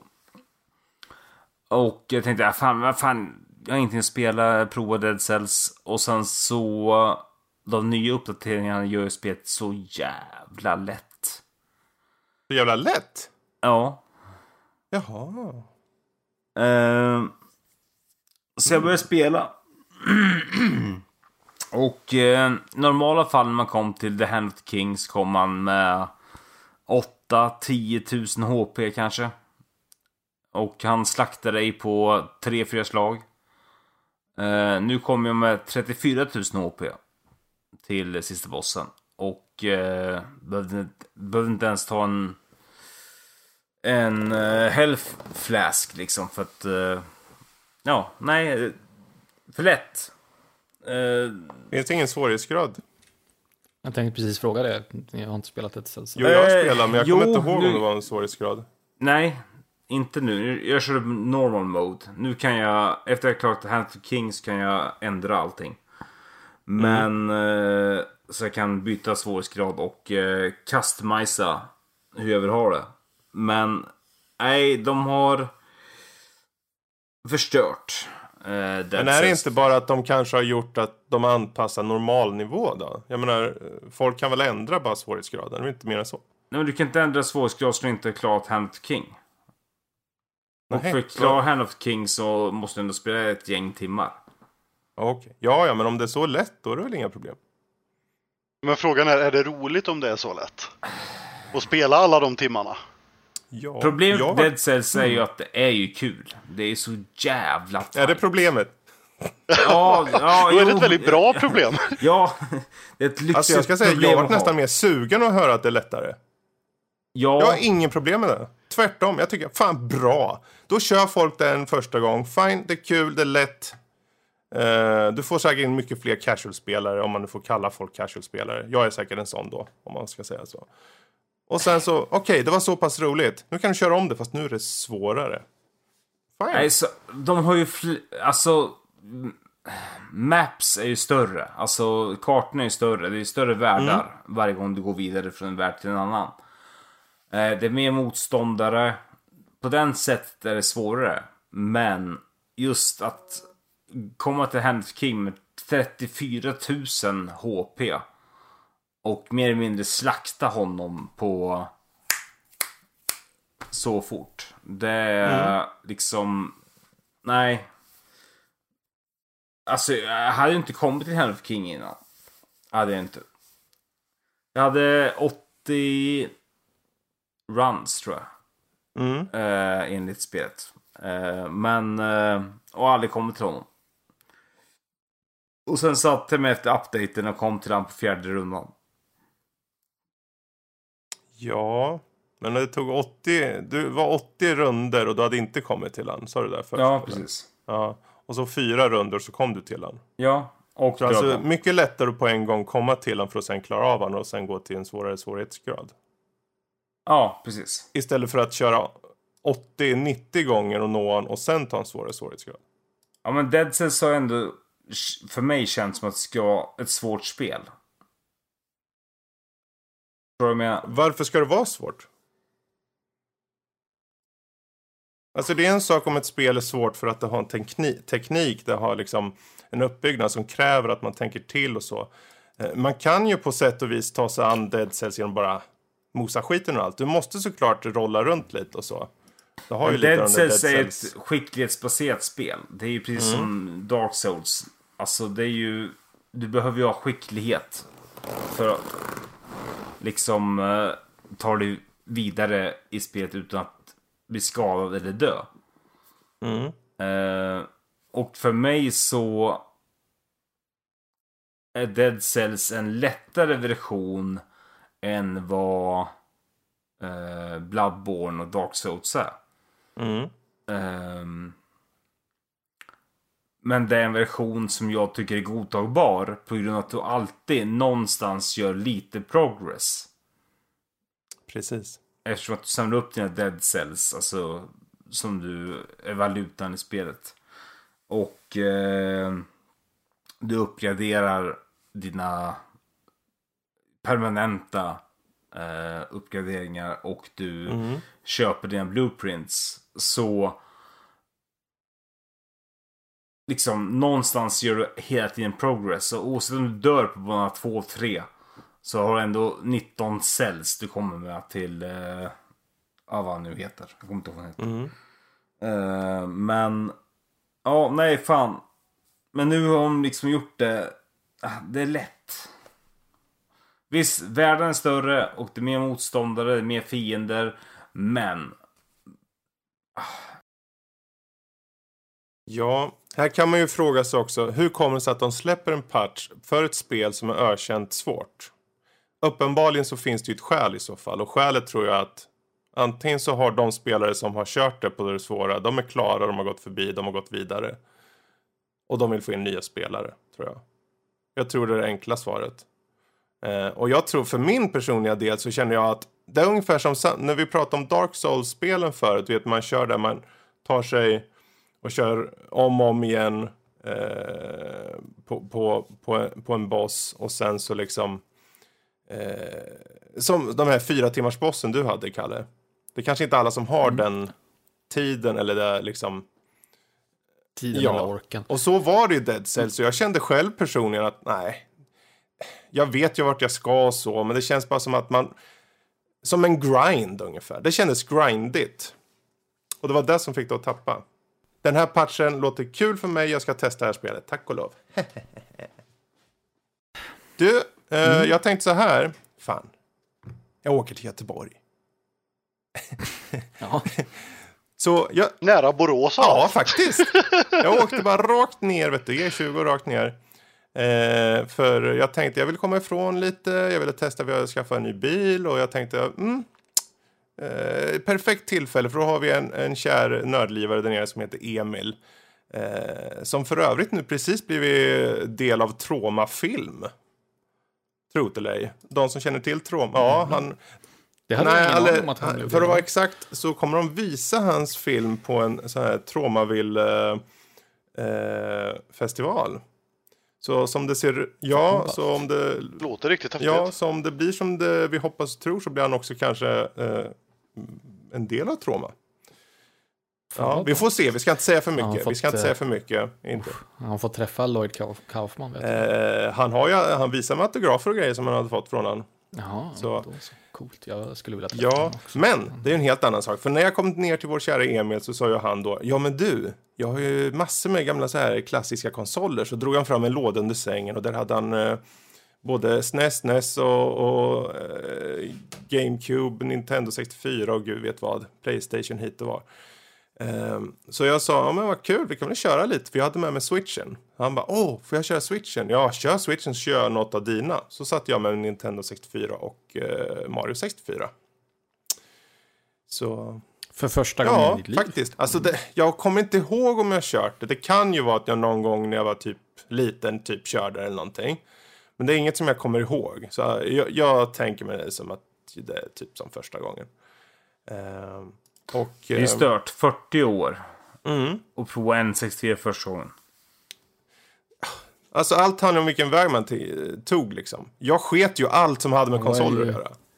Han var ju Jag, Amiga-grabb. jag, in Amiga, jag ville ha den bra grafiken. och sen gick jag Ja, direkt till. PC. så, det, så vart det ju liksom. Det är klart jag hyrde någon SNES någon gång, vet som man gjorde så här. Någon in, NHL och Super Mario World. Och det var liksom det. Gamla videomix. Ja, typ så. Och det, jag, tyckte, alltså jag tycker ju jättemycket om det också liksom. Men, eh, men eh, olika vägar och allt det där. Så jag satte mig med den här härliga, jag vet inte vad man ska kalla den där kontrollen. Tre, tre liksom, Ja, den är lite speciell alltså. ja, Jag vet, jag vet inte om den har något speciellt namn faktiskt. Vi kallar den Speciell värdelös. Allting är relativt. Att han är inte värdelös. Jag tyckte den var skön när jag var alltså, liten. den funkar, den är lite, lite jag visste bara annorlunda. inte om jag skulle hålla för, Emil sa, men du ska hålla i mitten där så du får den där thumbstick-grejen. Jajamän. Höger hand i mitten, vänster hand på vänster Ja, sida. det var jättekonstigt. Fast det finns spel där det faktiskt är bekvämare att hålla i vänster och höger sida. Det gör det ju inte Ja, bättre. nu, För det betyder att du måste byta för olika spel då alltså. Det är därför kontrollen ser ut som den gör. Det- det- Den har många möjligheter. Men, alltså jag kan ju köpa det. Vi, det, vi snackade liksom en konsol för många år sedan och det, de visste ju inte vad ergonomi var. Det såg man ju redan på NES. Alltså NES-kontrollen, det var ju som att man lika gärna tog bara spik och slog rakt genom fingrarna ibland. Sådär. Det är liksom, okej, jag ser att det funkar men det gör lite ont så. Eh, ja, det var lite extrem jämförelse. Men tack vare NES-kontrollen och SNES-kontrollen så kunde ju man köra med, med skedtricket. Skedtricket? Det fanns ju spel då du var till exempel på NESen Mm. där du var tvungen att trycka på A, B, A, B, A, B Ja. väldigt fort. Och då tog du en uh, tesked, satte på tummen och så drog du fram och tillbaka. Ah, mysigt. Så gjorde inte ont i handen och du var den snabbaste personen i hela spelet. Mm. Fanns det någon liknande för den här eh, 64-kontrollen eller? Nej. Nej. Åh. Ja, nej. Jag, jag tänker, jag ska inte sätta något betyg på handkontroll. Det är liksom, allting har sin tid och den här kom för många år sedan, så det är ingen idé. Däremot eh, Mario 64, alltså eh, redan då, uppenbarligen, så visste de att det här med 3D, det kan bli en stor grej. Ehm, säger jag nu för en publik som sitter och suckar och tänker, vad fan det här, vi vet, vi har kört de här spelen, herregud, så sent i festen liksom. Men eh, sen kan man ju säga så här, för de hade ju den där lilla thumbsticken hade ju små, vad ska man säga, den är ju, eh, den här gropen där i som den sitter i, den är ju inte rund utan den är ju som i, eh, Åttakanter typ. ja precis. Så det blir, det blir inte så följsamt när man ska liksom snabbt snurra runt eller någonting. Bara klick, klick, klick, klick, klick. Det blir hackigt utav jag helskotta. tänkte vad konstigt det känns. Vad, har den gått sönder? frågar jag honom. Han bara, nej, nej, nej, den är så. Aha, okej, fine. Och sen tänkte jag, men nu snurrar vi kameran lite i Mario där. Och då var det på de här gula knapparna där. eh, jag bara, okej. Ja, och det var liksom jättekonstig kamera i det spelet. Så kamera, alltså kamerautvecklingen sen eh, 64 där till, till eh, Odyssey är ju såklart och borde ju vara enorm, vilket den är. Men man tycker ändå, okej fine, man fick styra kameran i alla fall. Man får se det positiva. Jag menar, det kanske inte fanns många spel då, jag kommer inte ens ihåg. Fan, ni ska ha spelat eh, Golden Eye eller alltså... Jag har testat Mario Goldeneye, jag vill inte röra det spelet igen. Tack. Oh, Det, okej, det, alltså det är ungefär som att eh, raka sig med en osthyvel idag. Nej, Goldeneye är Nej. men det- underbart. Nej men det är inte underbart för spelet är Jo. antikt. Det är som att gå tillbaka Nej. till vilket spel som helst som är av en gammal tid. Det är gammalt, man får ta det för vad det är. Men det är liksom, att sätta med sig med Goldeneye idag är lite som att skära sig i ögonen. Det, det funkar inte riktigt. Det funkar inte. Jo, det funkar fortfarande. Det är känsligt. Åh, det är så underbart. Känslig? Jag Har du suttit med spelet i år eller? Ja! Nej, men jag spelar Det har jag. Med flit? För inte... Ja, ja.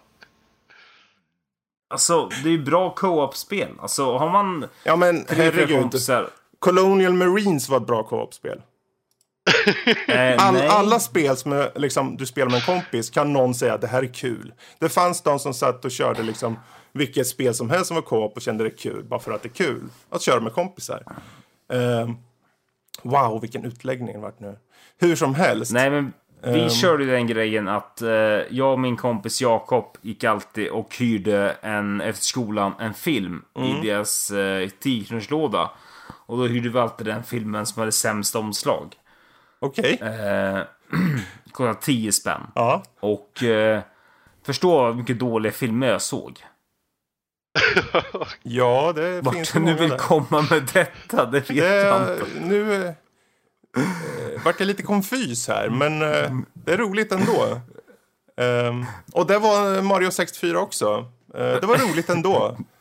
Ehm, än en gång, man får ju se för vad det är. Liksom. Jag skulle faktiskt, om jag ska vara helt ärlig, jag, jag har kört Odyssey. Jag tänker inte köra Mario 64. Jag tänker inte köra Nej, jag förstår varför. Ehm, och... ehm, men jag kan ändå se för vad det var, kände jag. Och jag känner, åh, mysigt.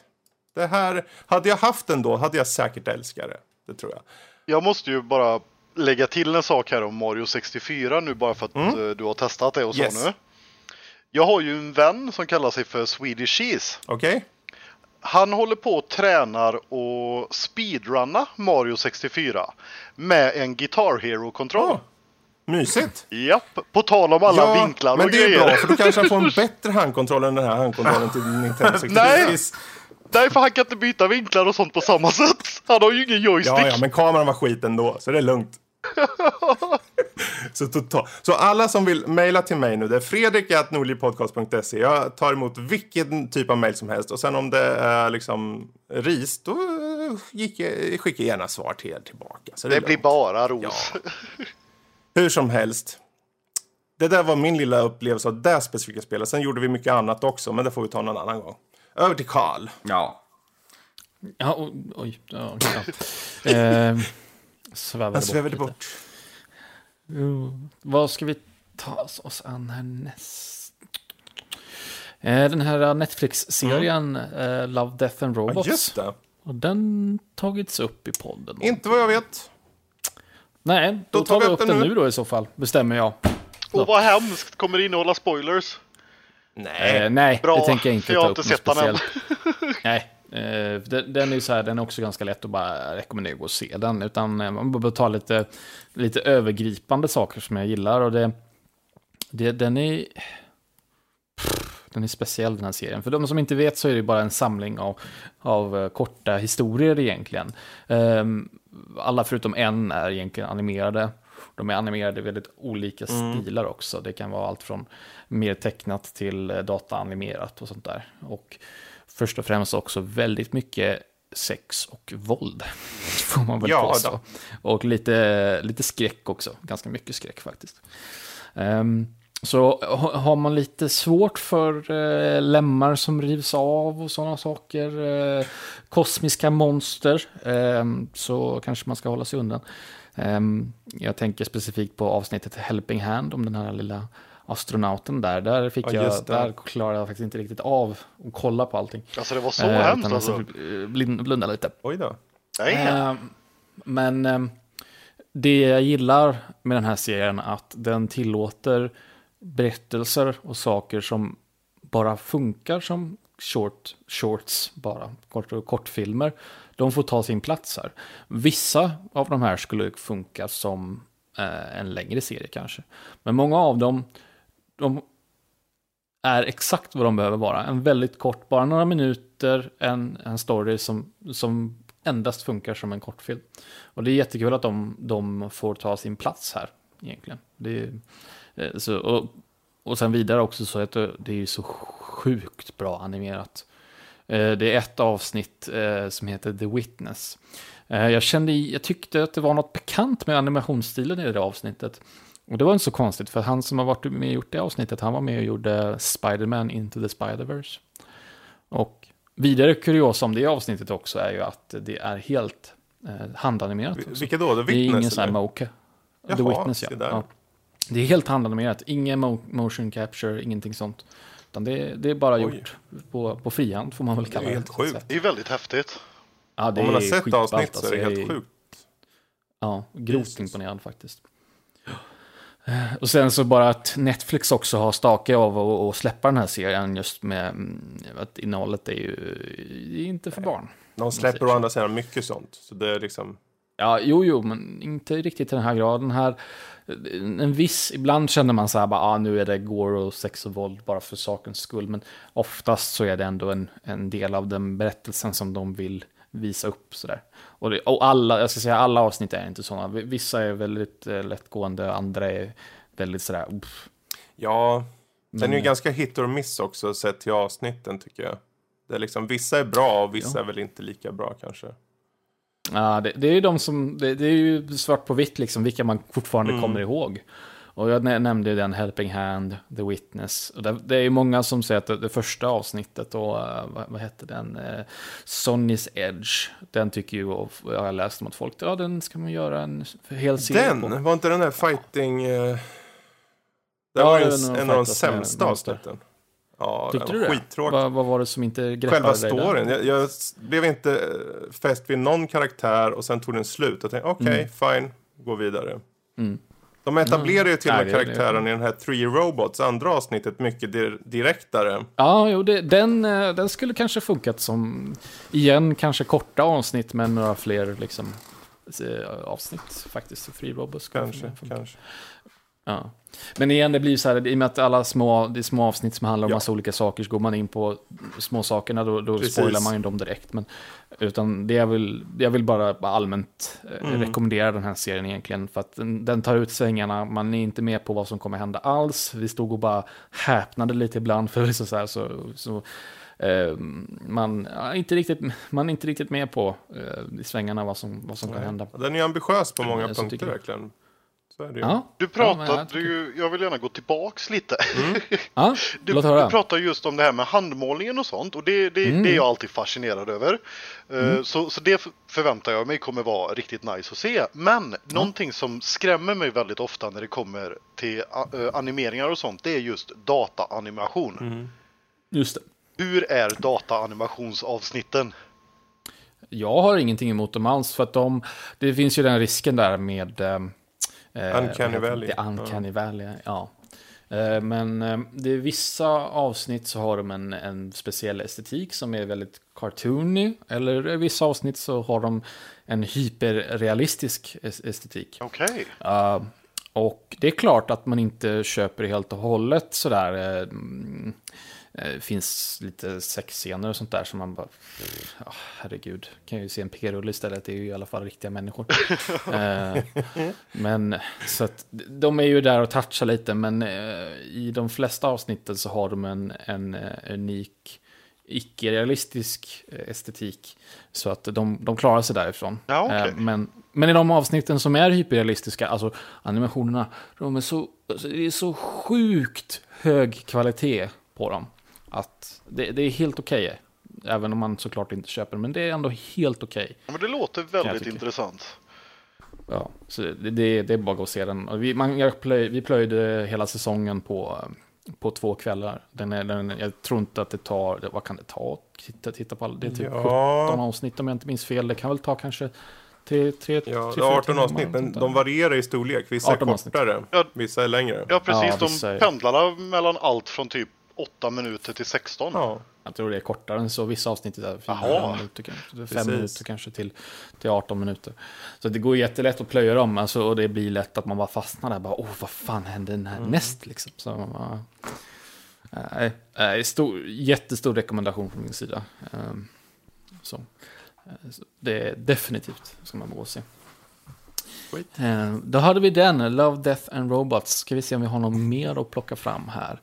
Eh, Vi har ju prickat av det mesta. Vi kan ta en sista från, från Bombi. Det låter som att han håller på att städa i bakgrunden, vad vet jag. Nej. Bombi? Ja, jag är här. Jag sätter på mig byxor. Nej. Oj! ja, det kan man också göra. Oj, han satt och lyssnade på Kalle och vart han lite till sig. Rich. Ja, ja det blir... Jag fick byta byxor där, jag förstår det. Det, kan, det är lätt så Bryta ner ståndet sådär. blå jeansen. Det var... Det var jobbigt. Jag är ledsen för revan i byxorna. Ja. men det- mm. Revande skicka ner byxor. det. The Act. Mm. Ja, precis. The Act. Vad, vad är, det är en serie Bombi, men du får gärna berätta mig lite mer än så. Ja, jag har inte jättemycket att berätta om The Act. Mer än att det är en förbannat bra serie. Det handlar om en eh, mamma som lider Münchhausen. Och eh, tar ut över sin dotter. Eh, ja, och... Ja, ni förstår ju. Är en, eh, ja, om, jag hjälper lite på traven då. Är det en... eh, vad heter det? Ny serie? Det är en ny serie. Netflix. En säsong? Hur många Ja, avsnitt? eh, Netflix. Eh, kommer en avsnitt i veckan varje torsdag.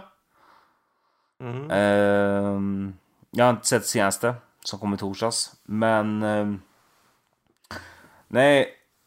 den är löst... Oj, ursäkta. den är löst baserad på verkliga händelser. Ehm, ja, alltså den är ju fruktansvärd.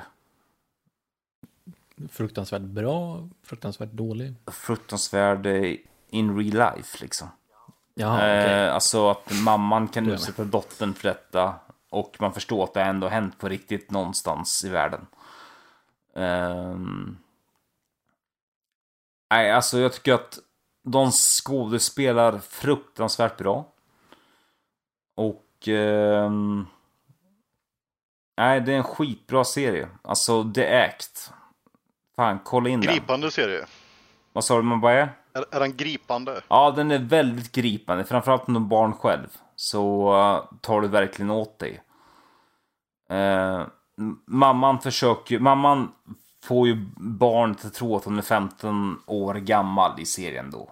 I själva fallet är barnet 19 år gammal och har bestämmande rätt över sig själv. Vad, vilka prover som ska tas, vilka operationer som ska göras. Men eftersom barnet är... Hon får barnet tro att hon är minderårig. Så har ju mamman på något sätt lyckats under alla år liksom få barnet att genomlida allt det här från att slang i magen och äta därigenom till, till rullstol till... Nej, Ja, nej, fruktansvärd jävla serie. Alltså man blir riktigt berörd. Mm. Uh, jag tycker den är skitbra. Mm. Jag rekommenderar den för Fredrik mm. när han var och besökte oss. Uh, uh, här är i helgen Precis. som var. Om du har sett den vet jag inte. Nej, jag har inte hunnit än. Nej. Uh, nej, jag tycker den är skitbra. Uh, en av de bästa serierna på länge, skulle jag säga. Mm. Jag kollar inte mycket på film, men på serier tittar jag. Och... Uh, nej, man ser fram emot varje avsnitt. Mm. Faktiskt. Den är uh, verkligen gripande. Och... Uh, man får följa olika tidsepoker i i eh, hennes liv. Um, så de hoppar lite. Men det är riktigt snyggt gjort. Bra, jävligt bra skådespeleri.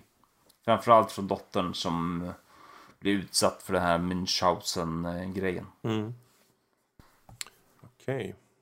Ja, då får vi... Nej, rekommenderar Strava. Får vi kika in.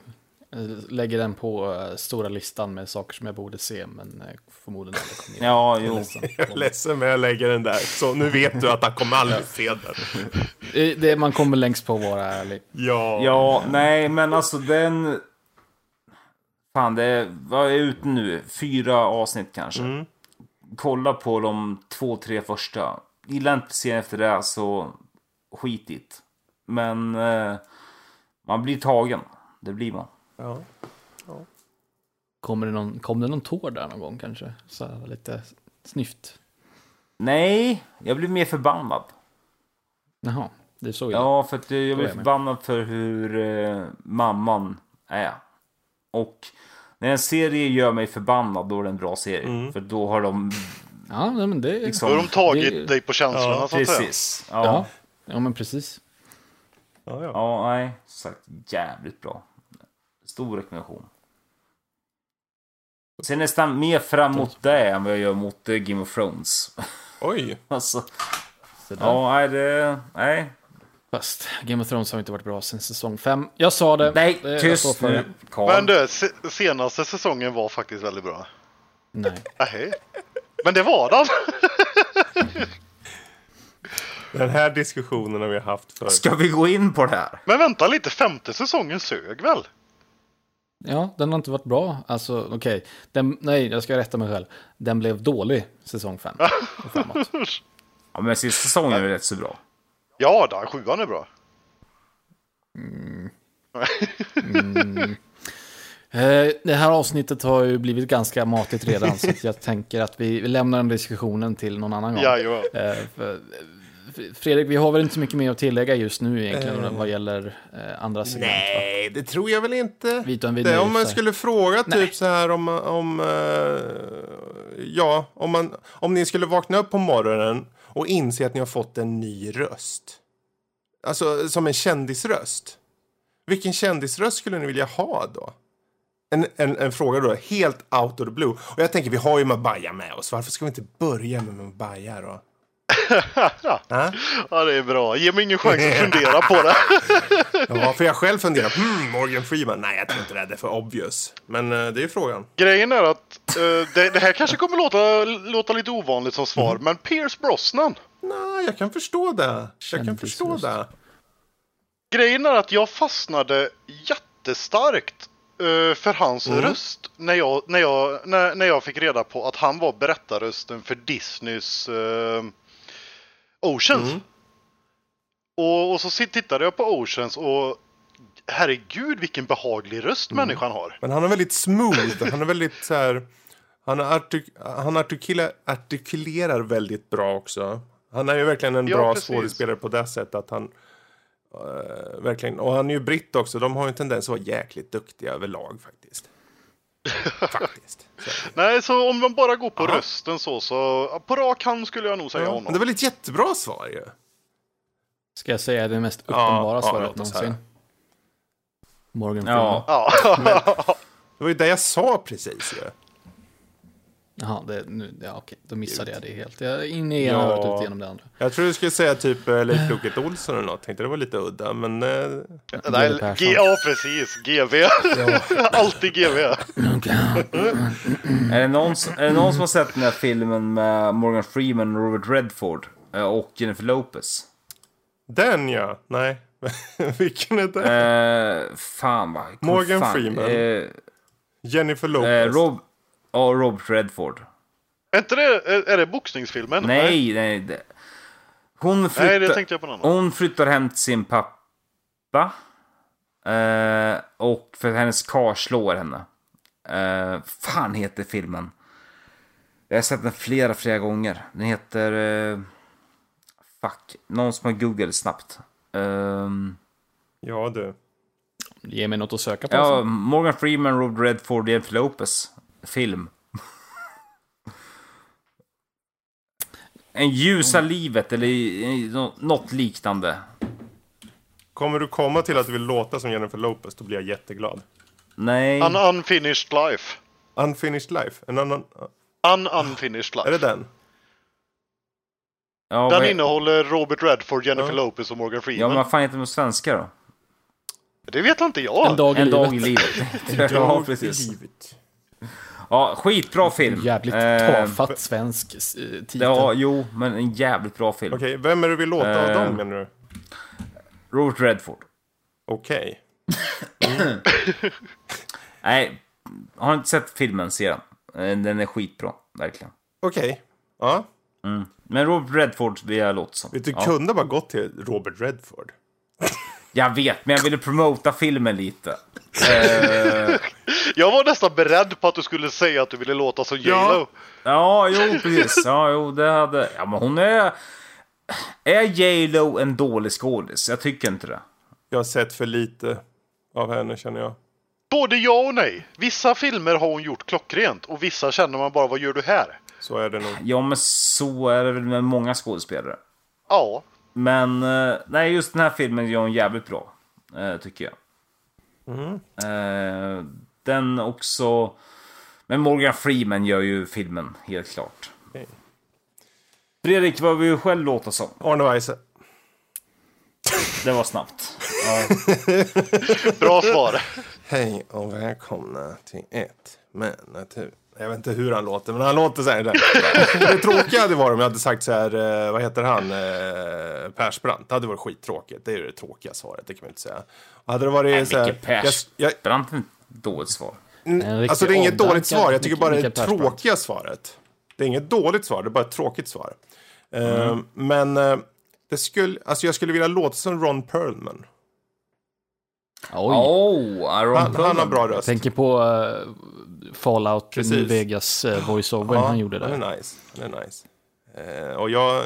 Mm. War. War War never changes. changes. Mm. Det är Den är det. fin. Ron Perlman med käken. Mm, han har en jäkla käke. Han var som gjord för Hellboy, den mannen. Oj, oj, oj. Ja. Och han gör en fantastisk roll i Sons of Anarchy. Eller skönheten och odjuret. Men det var länge sedan. Ja. ja, Kalle. Det var min sista lilla fråga. Jag tror det räcker, va? Ja. Ja, då ska vi knyta ihop den här säcken och med att plugga oss själva. Shameless plug. Eh, vi finns på www.nördliv.se. Där kan ni eh, lyssna på våra andra poddavsnitt. Eh, dels av den här podden men också vårt eh, nya tillskott eh, Kultpodden med Emil och eh, Mattias. Eh, vi finns även på eh, Twitter, eh, at nordliv.se, likaså på Instagram, nordliv.se. Vill ni skicka in lyssnarfrågor så finns det många olika sätt. Man kan ju såklart tweeta oss, men man kan också um, skicka mail till oss. Och då har vi antingen eh, info.nordlivpodcast.se eller så tar man förnamn at nordlivpodcast.se. Så om du ska till Fredrik så är Fredrik at Nordliv. Eh, är det till mig så är det Karl at Nordliv. Och så vidare och så vidare. Eh, slutligen så vill vi såklart eh, plugga vår gäst också. Då har vi Mabaya där från eh, Game Over Podcast. Eh, har ni någon speciell sida man kan gå in och hitta er? Ja, alltså vi finns ju på de vanliga sociala medierna. Men sen Mm. har ju vi eh, eh, föreningen som vi spelar in hos. Och, Just och det. det är ju podca, podcastboras.se. Precis. Finns av, era avsnitt på den sidan då? Eh, de senaste, vad är det, tio avsnitten finns uppe.